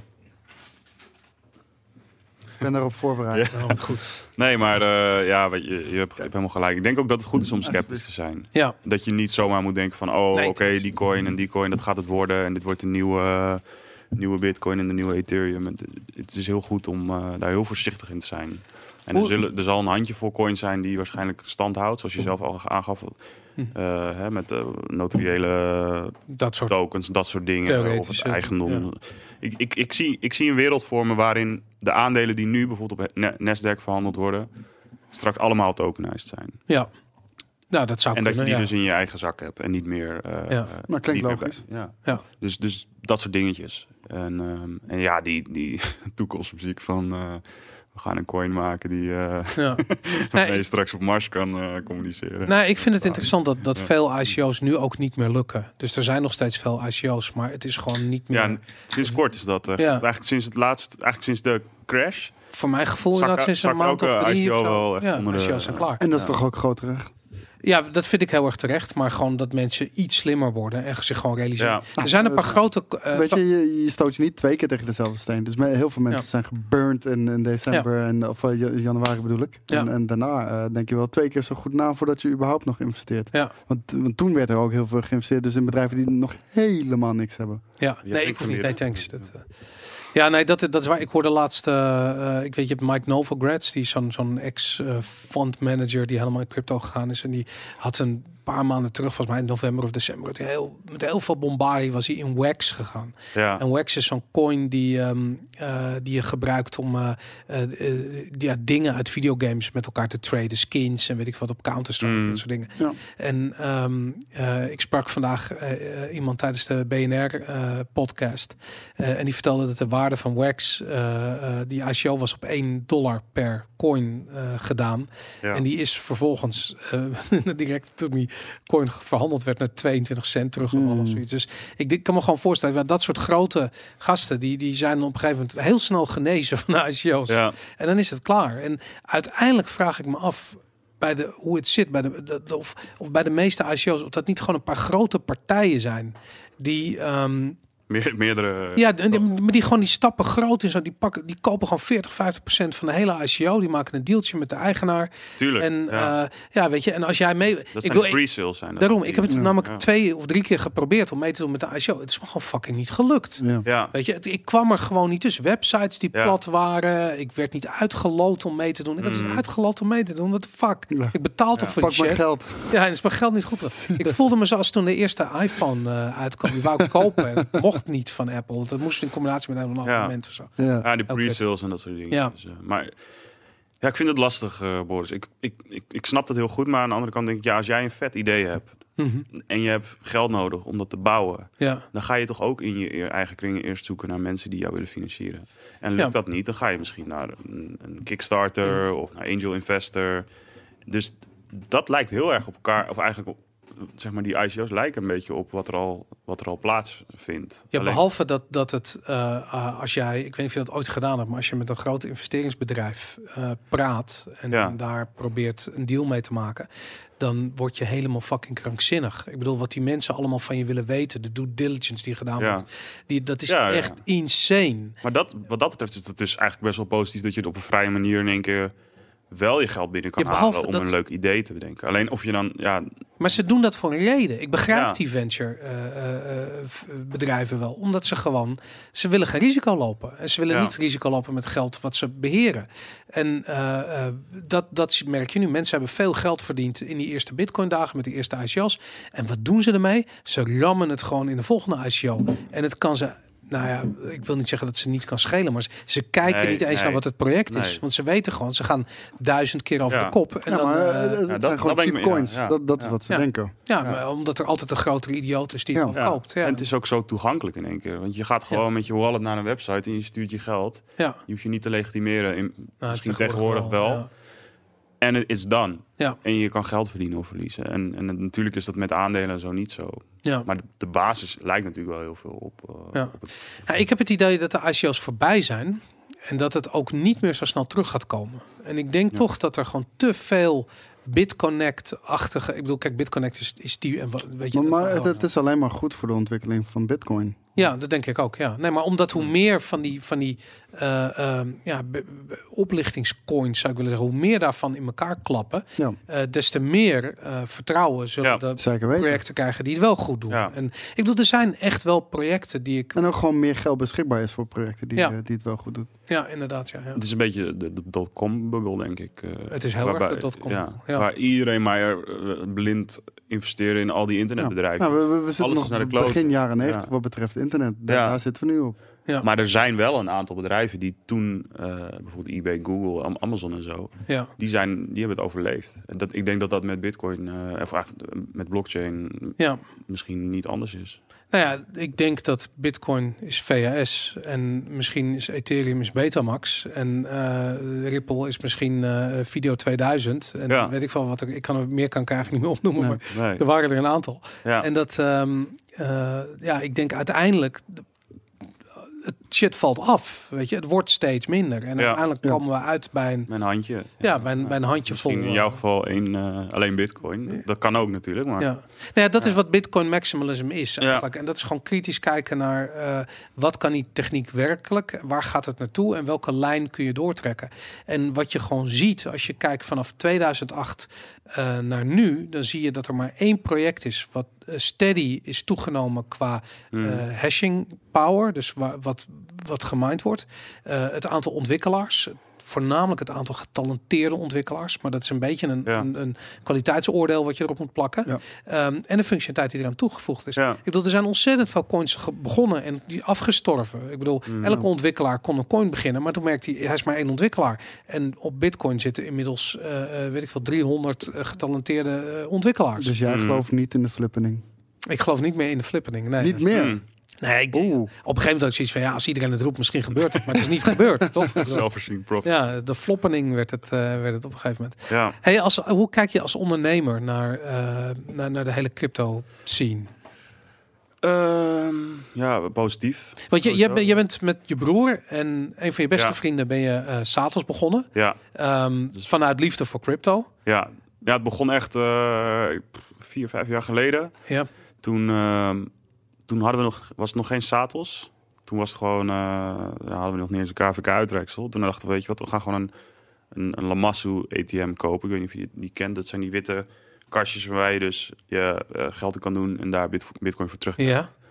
En we dachten, oh, dat is vet. Dan kopen we er één. Dan gaan we geld mee verdienen. Dan kopen we nog één. En uiteindelijk zetten we heel Nederland vol. Ja. Nou ja, toen hadden we dat ding gekocht, hadden we neergezet. En toen kwamen we er eigenlijk achter dat niemand bitcoin kende. Mhm. En dus ook dat hele concept niet eh doorging. Maar dat was gewoon een beetje die enthousiasme van... Ja. Yo, we gaan, dit, wordt, dit, Ja. wordt, dit wordt het gewoon, weet je wel. Dus ehm, Misschien was je iets te vroeg.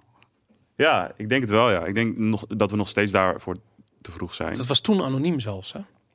Ja, klopt. Die Bitcoin ATM. Ja, alleen uh, ja, wij, wij deden dat wel. Uh, wij deden het niet anoniem. Zeg maar, Okay. zeg maar tot bepaalde. eh, Volgens mij was het 500 euro. Vroegen we wel. Uh, de, zeg maar daarboven vroegen we echt om een legitimatie. Ja, oké. Okay. Um, de, maar dat hoefde toen nog niet? Nee. Oké. Nou ja, je hebt altijd te maken natuurlijk met eh, anti-money laundering en dat soort dingen. Ja. En je bent gewoon eh medeplichtig gaan witwassen als jij eh, niet je best hebt gedaan om... Nee, maar daarom. en dus ik dacht altijd dat er sowieso een bepaald bedrag was. Als je daarboven komt, dan moet je altijd je klant... Ja, dat, nou, dat, was, dat was natuurlijk geen wet en regelgeving. Dus, dus in principe eh, was, je, was het een beetje vrij om daar eh, om Ja. te zijn. Maar wij hielden ons gewoon een beetje aan de regels die al bij AFM eh, en WFT zeg maar, eh, gelden. En hoe heette die, die ATM die jullie wilden of die jullie gekocht hadden? Lamassu. Lamasso. En want ik weet dat er. eh, God, hoe heet dat bedrijf nou? Waar Martijn eh Wismeijer. Hij is Ja. van de Ja, ik, allereerste. ik heb wel eens met hem gesproken. Ja, hij is echt zo'n zo'n grondlegger van Ja, Bitcoin in Hij Nederland. was ook een van de eerste met, eh, met de ATM's inderdaad. Hij werkt nog steeds voor een bedrijf wat ATM's maakt. Ja, En dat ik ben. eh, maar, maar ik moet zeggen dat die tijd met ATM's, dat, die, eh, dat was leuk. Alleen de online markt is veel groter. Ja. En dat, dat beseften wij ons op een gegeven moment ook. En toen dachten we, nou laten we ook maar gewoon een online platform gaan bouwen. Heb je dat zelf gedaan? Zelf de technieken uitgezocht en de. eh, Deels, ja. Oké. Ja, ja. Ik ben zelf geen softwareontwikkelaar, maar eh, ja, wel heel handig met computers en techniek. En eh, eerste website wel zelf gebouwd. En inmiddels hebben we een team van developers. Ehm, en, en, en, en eigenlijk in die tijd, zeg maar, om dan te vragen van hoe zijn jullie er zo op gekomen. Ja. In die tijd was het niet makkelijk om bitcoins te kopen. Ja. Dat was echt eh, via local bitcoins of eh, inderdaad via Coinbase had je volgens mij toen al. Of, Moest eh, pizza's verkopen. ja, en dat, ging, dat was best wel lastig. Je kon niet even makkelijk met een druk op de knop bitcoins kopen. Want je had in 2013 bestond Mount Gox volgens mij al. Ja, twee of drie van die exchanges, kan ik me herinneren. ja, maar dan, dan heb je het zeg maar meer over ja, cryptocurrency traden. Ja. En niet zozeer om gewoon het te kopen. Ja, het is moeilijk om je. Die fiat je, je gateway, moest een zeg maar. check moest je Ja. opsturen naar, naar Japan. En dan kwam het op Ja. geld op na een week op maand Gox te Jezus, staan. Ja. Ja. Ja. dat was ontzettend. Je- waar moest je Bitcoin mee kopen? Weet je, ik bedoel. Nee, dus je moest dus. Het sloeg, het dus- sloeg echt nergens nee, het was heel moeilijk om daar Ja. geld op te krijgen. Dus dat, En daar stonden Ja. echt mil- miljarden al bij Mt. Gox. En niemand Ja. wist wie, wat er eigenlijk daar gebeurde. ja. En wij hadden zoiets van, ja, we bleek, willen, we- wij willen gewoon in Nederland, willen we voor de Nederlanders. We hadden, we hadden heel veel klanten die gewoon echt vragen hadden van hoe werkt dit dan en hoe moet ik dan bitcoin kopen? En voor die mensen hebben wij gewoon een oplossing bedacht. Maar en hoe kwam je dan zelf aan Bitcoin?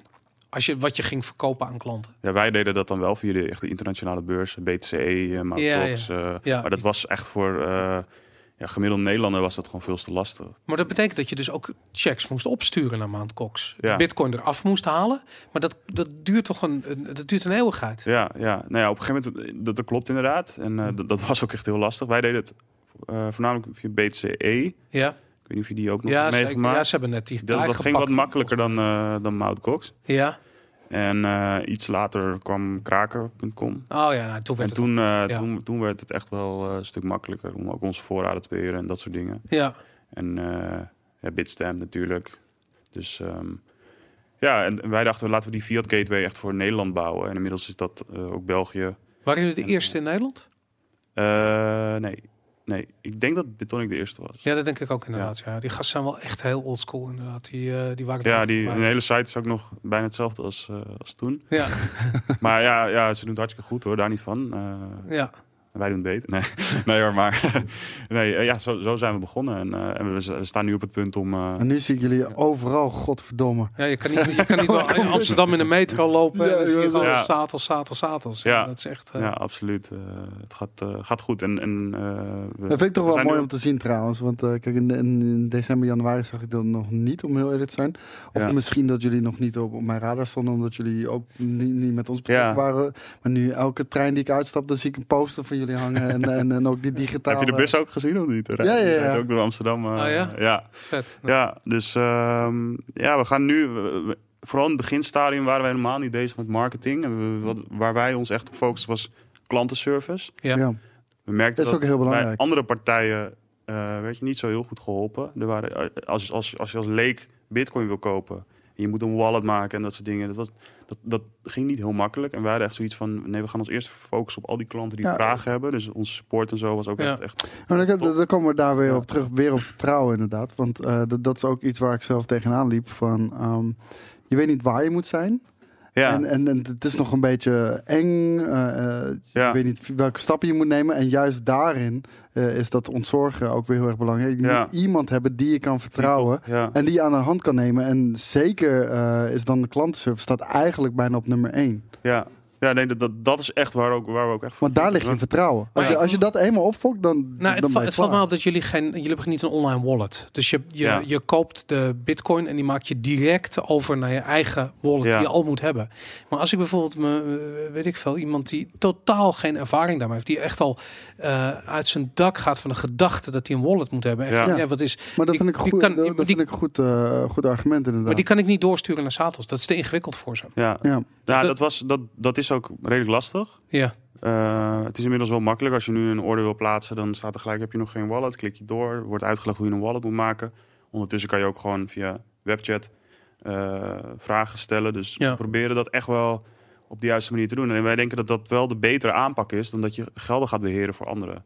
Ja. Juist de gedachte van Satoshi is, weet je wel, dat decentrale, be your own bank. ja. Ja. Op het moment dat wij weer wallets gaan maken en beheren voor anderen, dan komen we eigenlijk geen fluit verder. Dan zijn we nog steeds ja. daar waar we eigenlijk nu ook al eh, Ja. vast. eh, Ja, je hebt Zo. gelijk hoor, maar het, het gaat om Ja. het leerproces. Ja. En ik denk inderdaad van ja, ik, ik ken gewoon heel veel mensen die heel graag iets willen doen met Bitcoin, maar ja, echt wel die rabbit hole ingaan en Ja. gaan leren hoe die techniek werkt, maar niet als ze 50 euro eh, besluiten om in Bitcoin te steken, om dan ook uit te gaan zoeken wat voor wallets ze moeten hebben. Want om heel eerlijk te zijn, er zijn een paar goede wallets, Ja. eh, maar er, is- Ja. er is ook gewoon ontzettend veel shit. Ja, maar de- en, Ja. en door bomen zie je bos niet meer. En, en het, is, het is ook best wel ingewikkeld als ik zelf al zie eh, de, de, de, de, wallets die ik moet beheren op mijn eigen computer. En dat, dat ik soms daarmee in de knoop zit. ja. Ja. Maar eh, ik vind de prijs wel waardig wat je zegt. Maar ik moet er ook erbij eh, meteen bij vermelden. Met zo'n aanpak ga je bijvoorbeeld Tante Truus op de hoek die bitcoin eh, wil kopen. Die ga je er niet mee krijgen. Nou, die hebben we er wel mee eh, binnengehaald hoor. Ja? Want de Denk Truus heeft gekocht. Ja. Nee, maar- Die is groot in, in ik- 2000 eh, of in Maar december. Ik bedoel meer van, eh, er zijn ook partijen die dus alles inderdaad aanbieden, maar dan, dan ben je alweer Ja. bij een soort van een bank. eh, Maar, maar als ik jou vraag, wat, wat, wat prefereer je dan zelf als jij bitcoins koopt? Dat dat allemaal voor je geregeld wordt en dat jij een inlogcode hebt waar jouw gelden staan of, of toch je eigen wallet? eh, eigen wallet prefereer ik, maar eh, ook eh, eh, gemakzaamheid die ik van mezelf ken. Ja. vind ik heel erg belangrijk. En zo ben ik wel erin gerold. Ja. Als ik had moeten beginnen met een eigen wallet aanmaken of kopen of wat dan ook, Ja, dan had het veel langer geduurd. Dat Ja. weet ik zeker. ja. Nou, ik, zou, ik, ik heb een ander ding. En dat is, kijk, de vraag is. Ehm, eh, ik, ik, ik moet je eerlijk zeggen, ik bedoel, de, de, ehm, eh, ik heb ooit best wel wat bitcoin gehad en het meeste verkocht, helaas. Maar Mhm. de, ehm, eh, ik had Ligt op, eraan wanneer je het verkocht hebt. ja, daarom. nou ja, goed. Op zich eh, heb ik het goed verkocht. Maar het, het gaat me er meer om van. Ik, op een gegeven moment realiseerde ik me van. Ik, ik, ehm, ik vond het geen fijne gedachte. Eh, weet je, ik heb paper wallets gehad, hardware wallets Mm. gehad, allerlei verschillende. En er gewoon ook heel erg veel dingen gewoon op. oh, ik had op een gegeven moment een PC waar gewoon. Het was gewoon dedicated voor crypto. En op een gegeven moment realiseerde ik me van. Ja, maar dit is gewoon. Dit is een security risk. Weet je, ik bedoel, als, als de bol in de fik Nou, vliegt, kijk, de- dan is het weg. Maar dat wou je. ik dus zeggen. Kijk, je bent verantwoordelijk voor jezelf. eh, maar jij hebt niet die expertise. Nee, En- Nog en- niet. Nee, nee, nog niet. Maar kijk, eh, een bank die kan zich daar bijvoorbeeld in specialiseren.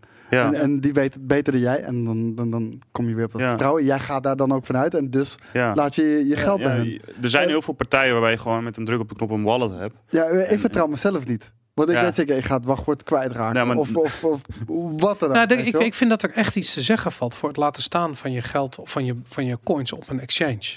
Ja. En ik ben dat zelf op ja, een ik gegeven vind moment. het doodseng. Ik, ik heb geld op exchange staan, maar ik, ik vind het aan de ene kant best wel doodeng. Nou, ik ben het op een gegeven moment gaan doen, omdat ik, ik vond het enger om het soort van allemaal zelf te moeten doen. Ja, maar dat bedoel ik. Ik vertrouw mezelf niet. Nee, ik maar vertrouw zo'n exchange eerder dan Ja, mezelf. Daarom, dus ik had zoiets van, nou weet je, ik ga niet alles op één exchange. Dus ik zet 36 verschillende exchanges, dan zet ik allemaal een klein beetje.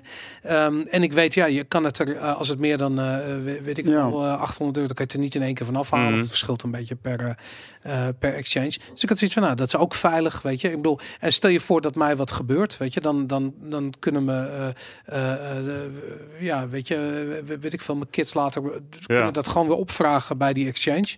Maar dat, Ehm, maar Maar dat- dat vind ik een heel goed punt. Maar kijk, ik ben, ik ben op zich wel handig met computers. Ik ben geen computergeek. Maar zelfs ik vertrouw mezelf daar niet eens in, weet je wel. Ik heb wallets op mijn computer staan doordat er splitsingen zijn geweest bij bijvoorbeeld met bitcoin. Ja. En eh, op een gegeven moment kwam ik er bij eentje kwam ik er al niet meer bij. Ja. Weet je wel? Ja. Eh, En daar werd ik helemaal gek van. Maar, maar dat, is, dat is toch een beetje dat stukje techniek wat nu nog onduidelijk is. Net zoals dat Ja. je vroeger ook niet wist hoe je een e-mail moest sturen. En nu Nee, maar daarom eigenlijk zeg, gewoon met een druk op de knop die e-mail stuurt. Maar, Maar maar daarom nu zitten we toch ook we- bij Hotmail en Gmail. En Ja. weet ik. Nee, maar ga je niet meer met Firefox. maar, maar daarom eh, heb ik het nu over bijvoorbeeld Tante Truus op de hoek. Ja. Die gaat dat niet allemaal doen. Nu. Nu nog nee, niet, weet nu wel. nog niet. Maar op, als je op een gegeven moment gewoon een portemonnee kan downloaden in de App Store. Ja. Waarbij het super simpel is. Vergelijkbaar met gaat gebeuren, ja. internetbankieren. Zeker weten. En weet je, daarnaast als, als Boris eh, wil uitcashen, dan eh, verkoopt hij gewoon eh, via ons systeem.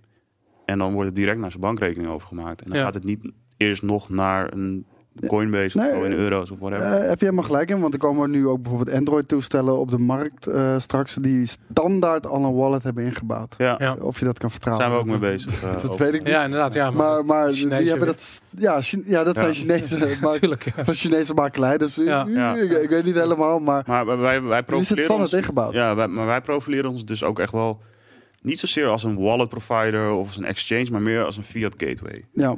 Want daar is nog heel veel vraag naar. Want straks is alles decentraal. Daar Ja. ga ik vanuit. Alle Hm. tokens, alles bitcoin, of, of nou één bitcoin is of twee.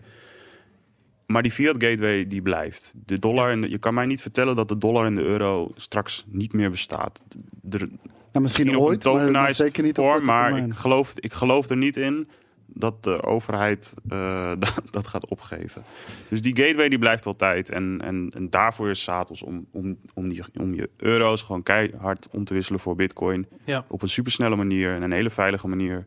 En ja, als jij je bitcoins wil bewaren op een exchange, ja, be my guest, weet je wel. Maar Ja. Bitstamp is ook twee jaar geleden gehackt. Ja, en tuurlijk, laatst ook, weet je. Ja. Dus het hoeft je maar één keer te gebeuren. En dan Ja. denk ik dat je wel... Ik heb eh, ooit heel veel Litecoin gekocht. En toen echt, het was niks waard. Echt een Ja. paar Ja. tientjes, maar het was echt heel veel. En eh wachtwoord vergeten. Ja, maar Ik kan er niet meer dat bij. bedoel ik dus. En- Eh, kan je nagaan. Ik bedoel, eh, Ja. jij weet dat net zo goed als ik. Er zijn mensen die zichzelf vakant hebben gemaakt. Die hadden, Ja, ja. weet ik wat, duizenden bitcoin. En die- die kwamen er gewoon niet meer bij. Ja. weet je wel? En oké, we- natuurlijk, we zijn in de begindagen, in de early, early, early, early dagen van, van bitcoin. Maar het gebeurt. ja. Ik heb een keertje een paar oude harde schijven. Dat was, was een vriend van me, die kwam met die grap. Oh, jij was die man in die vuilnisbel. Die, die zat te zoeken. Nee, nee, nee. We hadden, we hadden, eh, eh, het was een grapje. Het was een soort van eh, computers. Ik had hele oude computers dat ik weggeflikkerd. Toen had ze Ja. de schijven eruit geflikkerd. Ja. Toen had ik op eentje had ik een, zo'n, zo'n, zo'n gare witte sticker geplakt. Had ik gezegd van 200 BTC had ik erop geschreven. Gewoon op. en toen naar, naar, naar zo'n, zo'n tweedehands zaak gebracht. En die guy was, je zag hem ook echt zo kijken. Ja, rotsen, rotsen, rotsen. Oh ja, rotsen, rotsen. Maar je zag hem gewoon, godverdomme. Zo, oh, ik neem ze wel. Je zag heel even die pauze. ja, ja, je zag, je zag de pauze echt inderdaad. Ja. Ja. Zo'n oude Mooi, rotzooi. eh, eh, hij- wist wel waar het over Ja, ja, pokerface. Ja, inderdaad. Ja. Oh, deze guy weet niet wat het is. Ja, die sticker zat er al een tijdje. zat er al sinds 2008. Ja, wezenlijk inderdaad. Maar ik, ik vind het wel grappig dat jij dus eh, je coins liever op een exchange bewaart. Want ik, Ja, ik heb ook coins op een exchange staan nu. En ik vind het doodeng. Ja, ik ook. oké. Echt doodeng. Ja, ik maar ben ook ik, een keer eerder gehackt. ja, Op Bittrex was dat. ja. En, eh, Ben jij gehackt of werd Bitter nee, nee, gehackt? ik ben gehackt. Ja? Iemand heeft, ik weet niet hoe, is in mijn account ingelogd. En ik had ook two-factor authentication, alles erop en eraan. Ja, bizar. Dat is dus eng. man. eh, misschien via man in the middle, middle attack of zo. Ja, En sindsdien heb ik mijn lesje echt wel geleerd. Dus eh, ja, ik heb ook ja, ik heb altijd wel wat coins op exchanges staan. Mocht, mocht ik iets willen verkopen of zo. Mhm. of, of in actie willen komen. ja. Ehm tuurlijk geloof ik in de techniek, maar ik vind een beetje traden ook wel leuk. Maar de decentrale Maar exchanges eh, zijn dan wel een uitkomst. Ja, dat, en dat is, ook, eh, dat is ook waar wij ook al vanuit gaan bij Satos. Dat, Ja. Je die gaan er komen, die Ja. decentrale exchanges. Dus om, om nu een exchange te bouwen, dat is leuk, maar dat gaat, dat heeft, ja, in mijn ogen heeft dat niet zoveel zin. Dat is al weer Wat je, wil, wat je wil zijn is die fiat gateway naar die decentrale exchanges. En die Ja. zijn we eigenlijk al. Maar is het niet voor, ligt het niet voor de hand voor jullie om dan ook maar die exchange te gaan bouwen? Die decentrale. Die decentrale exchange, ja. Ja. dat zou kunnen, maar ja, wat je zegt, het is een decentrale exchange. Dus eh, zou ik een ICO dan? eh, hoe Ik denk dat je ik een ICO moet doen. Ja. nee, ik weet, eh, ik sprak laatst toevallig met eh, eh, ehm, een van die jongens achter Blockpoort. Die hebben een ICO gedaan, wordt een nieuwe Nederlandse exchange. Volgens mij is die al live gegaan, of beta, weet ik veel. Ja. Ehm, ja, die hebben gewoon een gigantische ICO gedaan, precies in de juiste tijd. En die Ja. zijn gewoon echt gewoon een gigantische developer. Die hebben talent van over de hele wereld aangenomen. En die zijn, ja, die zijn die techniek aan het bouwen. Ja, Ehm, ik, ik heb ze ze nooit... staan ook al, hè? Die, eh, Ja, volgens mij zijn ze al. Cyber Network en zo. eh, Ja, oh, dat is ook zo eentje. werkt, er zijn er meer. prachtig, ja. Dex, Barter Dex heb je. Je hebt er nog een Ja. andere die best wel goed zijn, geloof ik. Maar ja, anyways, ik, ik, ik, ik, ik, ik ben heel erg benieuwd naar eh, wat, ehm, eh, hoe decentrale exchanges de wereld gaan veranderen.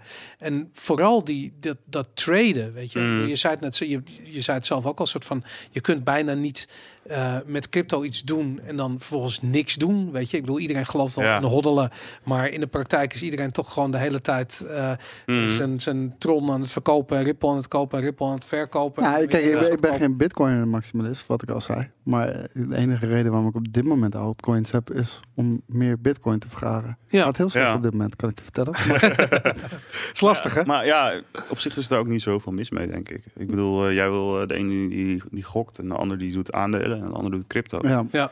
Ehm, ja, ja, good luck.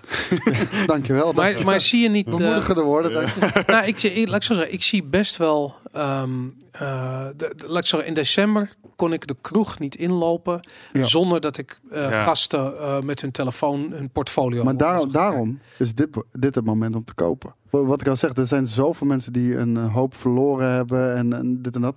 Juist op zulke momenten moet je kopen. Ik En denk het serieus ging dat we juist nog- altijd een beetje in die upwards trend. Ja, ging ik het kopen. Ja, maar dan word je emotioneel natuurlijk. Ja, natuurlijk, iedereen heeft FOMO. Maar we hebben de paniek nog niet gehad. Ik denk echt dat die fase nog moet komen. Ik weet het niet, Ik, eh, Ja. ik weet ook niet. Ja, Nee, niemand weet het. Nee, maar dat is, dat is de, de- ja, ik ben de naam kwijt, maar dat is zo'n standaard model van je bent euforisch en dan know. bladibla. Maar En sommigen dat- zeggen dat we dat al ge- gehad hebben, min 75% Je zou probleem best is, wel paniek Ik zie geen paniek. Ik- Ik zie zagrijnigheid, maar geen paniek. Eh, Als je onder de 500 euro gaat, dan zie je paniek. ik Dat- zie mensen die, voor- die, die bitcoin echt heilig en overtuigd waren. Toch van, ja, ik heb het wel, maar...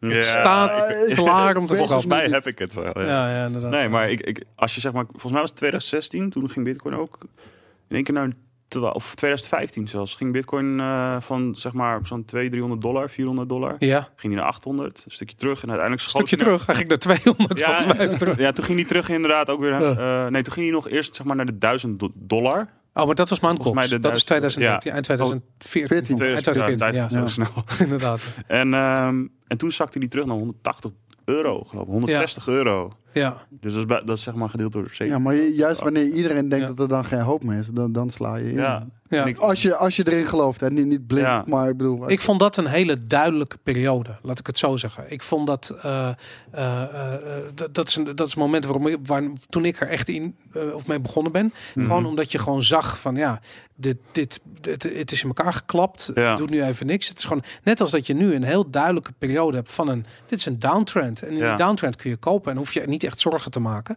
Als je nu instapt, is het waarschijnlijk wel Ja, een het kan ook nog vier jaar volhouden, weet je. Niemand weet het. Ja. Ik bedoel, Ja, dat duurde, dat was met die Mount Cox periode duurde dat ook wel meer dan een jaar voordat, Ja. voordat we weer een beetje in een boeltrend zaten. Ja. Dus, eh, Maar eh, even terug naar dat. Weet je, in, in, december zag ik eh, eh, bij wijze van spreken iedereen die ik kende, die was aan het traden. En iedereen die ik niet kende, was ook aan het traden. Ik stond in de sportschool. de stagiaires waren bitcoin aan het kopen. Het was niet Ja. normaal. Het was echt niet normaal. En ehm, Stufie was gewoon flop, flop. Ja, ja, en iedereen was echt. Het, het, Dus- het was niet normaal. ja. Maar ik heb zoiets van: kijk, die tijd gaat terugkomen. En Ja. misschien duurt het een maand, misschien duurt het een jaar, misschien duurt het tien jaar, niemand weet het. Maar dat traden maar, maar, als maar dienst. Mensen, maar mensen leren er ook van. Ik bedoel, eh, tuurlijk, het gaat terugkomen. Stel dat het eind dit jaar weer terug zou komen. Zeg maar diezelfde hype die we hadden en een prijsontwikkeling Mhm. die we hadden eh, afgelopen jaar. Ehm, mensen denken wel twee keer na van, dit, dit, is, me, dit is al eerder gebeurd. Ik Denk je dat? Ja. Mensen Ja, worden, mensen Nou, zijn echt, die, die herinneren zich nog aan twee dagen geleden. Weet je? Ja, nou, het is gewoon de totale gekte begint weer, weet je. En mensen Ja. beginnen Nou, weer maar met ik, geld te we- smijten. nou, maar ik weet het wel. Ik weet nu, als nu de totale gekte weer toeslaat zoals toen. Want Ja. toen, toen was het in Ja. de media. Iedereen had het letterlijk over zoals jij het had. Dan verkoop ik. ja? Ja, dan verkoop ik. Maar, dat, Dan ben is je niet- geen echte... maar wanneer eh, verkoop je? Nee, ik ben ook geen Het is fucking onmogelijk om Hey, de hey, top in maar, te ja, maar je, in te je, hoeft niet bij de kop te verkopen. Als je bij de schouders verkoopt, is het al goed genoeg. Ja, ja, het is maar heel Ja. makkelijk, achteraf. Ga het maar doen. Maar weet je, Ga het maar doen. we hadden- toen, toen Bitcoin weer op 160 euro stond en toen weer naar die 1000 ging, Mhm. toen had niemand verwacht dat die naar 20.000 zou gaan. Nee, tuurlijk niet. Dan was je, Nee. denk ik, eh, ja, als hij naar 2000, toen hij naar 2000 ging, toen dacht ik al, holy shit. Ja. dit gaat helemaal fout. Ja. En toen ging hij naar 20.000. Dus ik verwacht dat de volgende boeren ver boven die 20.000 uit. Dat denk ik ook wel, ja. Sterker nog, ik denk dat hij pas Ja. begint als hij boven de 20 uitgaat. Ja, Ik denk dat hij heel langzaam opkrabbelt. En dan op een gegeven moment hebben we een nieuwe all-time high. Gaat hij boven die 20. En dan wordt iedereen wakker. En dan Ja. heb je er zoiets van, fuck, we gaan weer. we Weet je? gaan weer. En dan ga je iets zien, hard. wat, dat gaat Ja. harder dan Maar we gaan ook keer. weer een pullback krijgen, 100%. Daarna, ja. Ja. Maar die, Dus- gaat, die gaat zijn van, van 400.000 euro naar, naar, Ja. naar 30.000. Dat is iets optimistisch, 80. maar... ik- Doe het serieus. dat Alles laag. kan. Ja, maar je hebt niet zo kan. gigantisch veel nodig om dat voor elkaar te krijgen. Nee. Het gaat alleen maar om de prijs die de laatste gek betaalt voor die laatste bitcoin. Dat begrijp ik. Ja, keer. alleen je hebt natuurlijk wel zeg maar miners die altijd hun kosten hebben natuurlijk. Ja. ja. Dus die zullen altijd, die zullen altijd wel een berekening erop loslaten dat ze nooit een bit- nieuwe bitcoin zeg maar onder een bepaalde prijs verkopen. Ja. Dat is zeg maar ook dat een beetje die intrinsieke waarde van Ja, bitcoin. zeker weten. Dat wat je erin stopt, dat is het sowieso waard.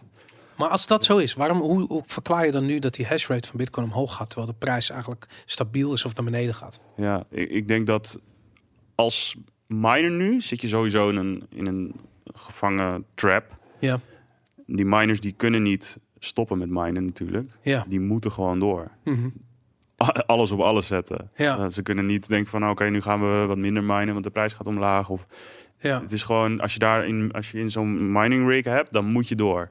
Maar, omdat, maar ook omdat die apparatuur veroudert waar je bij staat. Als jij drie maanden die Precies, apparatuur die uitzet, afschrijving, dan, ja, is, ja. dan kun je niet, is er een nieuwe generatie aan, aan Dus, miners. dus op het moment dat die prijs zakt, dan denken hun waarschijnlijk, ja, we moeten gewoon nu nog meer.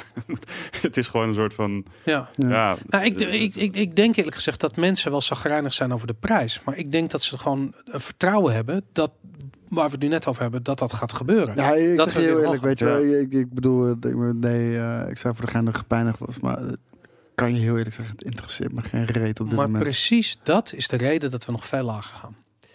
Ja. Want- Ja, eh, maar dit is maar dat geen ben paniek. jij, hè? Ik ken er wel Ja, heel nee, veel mensen die het wel heel veel Ken, interesseert. ken je mensen die in paniek zijn? Ja, ik ken heel veel mensen die in paniek Oh ja, Ja. echt waar? Ja, Oh, dat vind ik goed nieuws, want dan, dan weten we dat de bodem... eh, ja de ik denk dat paniek is er, dus eh, toch, toegeslagen. ik denk dat ne- echt 99% eh die is blij als het straks weer een beetje stijgt. ja, ja, maar- dat is wat anders dan in paniek rijden. Nee, maar ja, ik, ik ken mensen die echt in paniek zijn. En ik, Ja? die moet ik dan weer echt geruststellen van ja, maar dit is normaal. maar dan geloven ze niet in de techniek of... of Nee, dat is, dat is dus het hele probleem. Niemand, iedereen koopt o- Op de prijs. speculatie, op de prijs. ja. En ze weten niet wat ze kopen. Dus Nee. eh, als je je dat veel- wel weet, ja, dan, dan ben je denk ik een stuk rustiger. Heb je mensen in je omgeving die jou daar verantwoordelijk voor houden?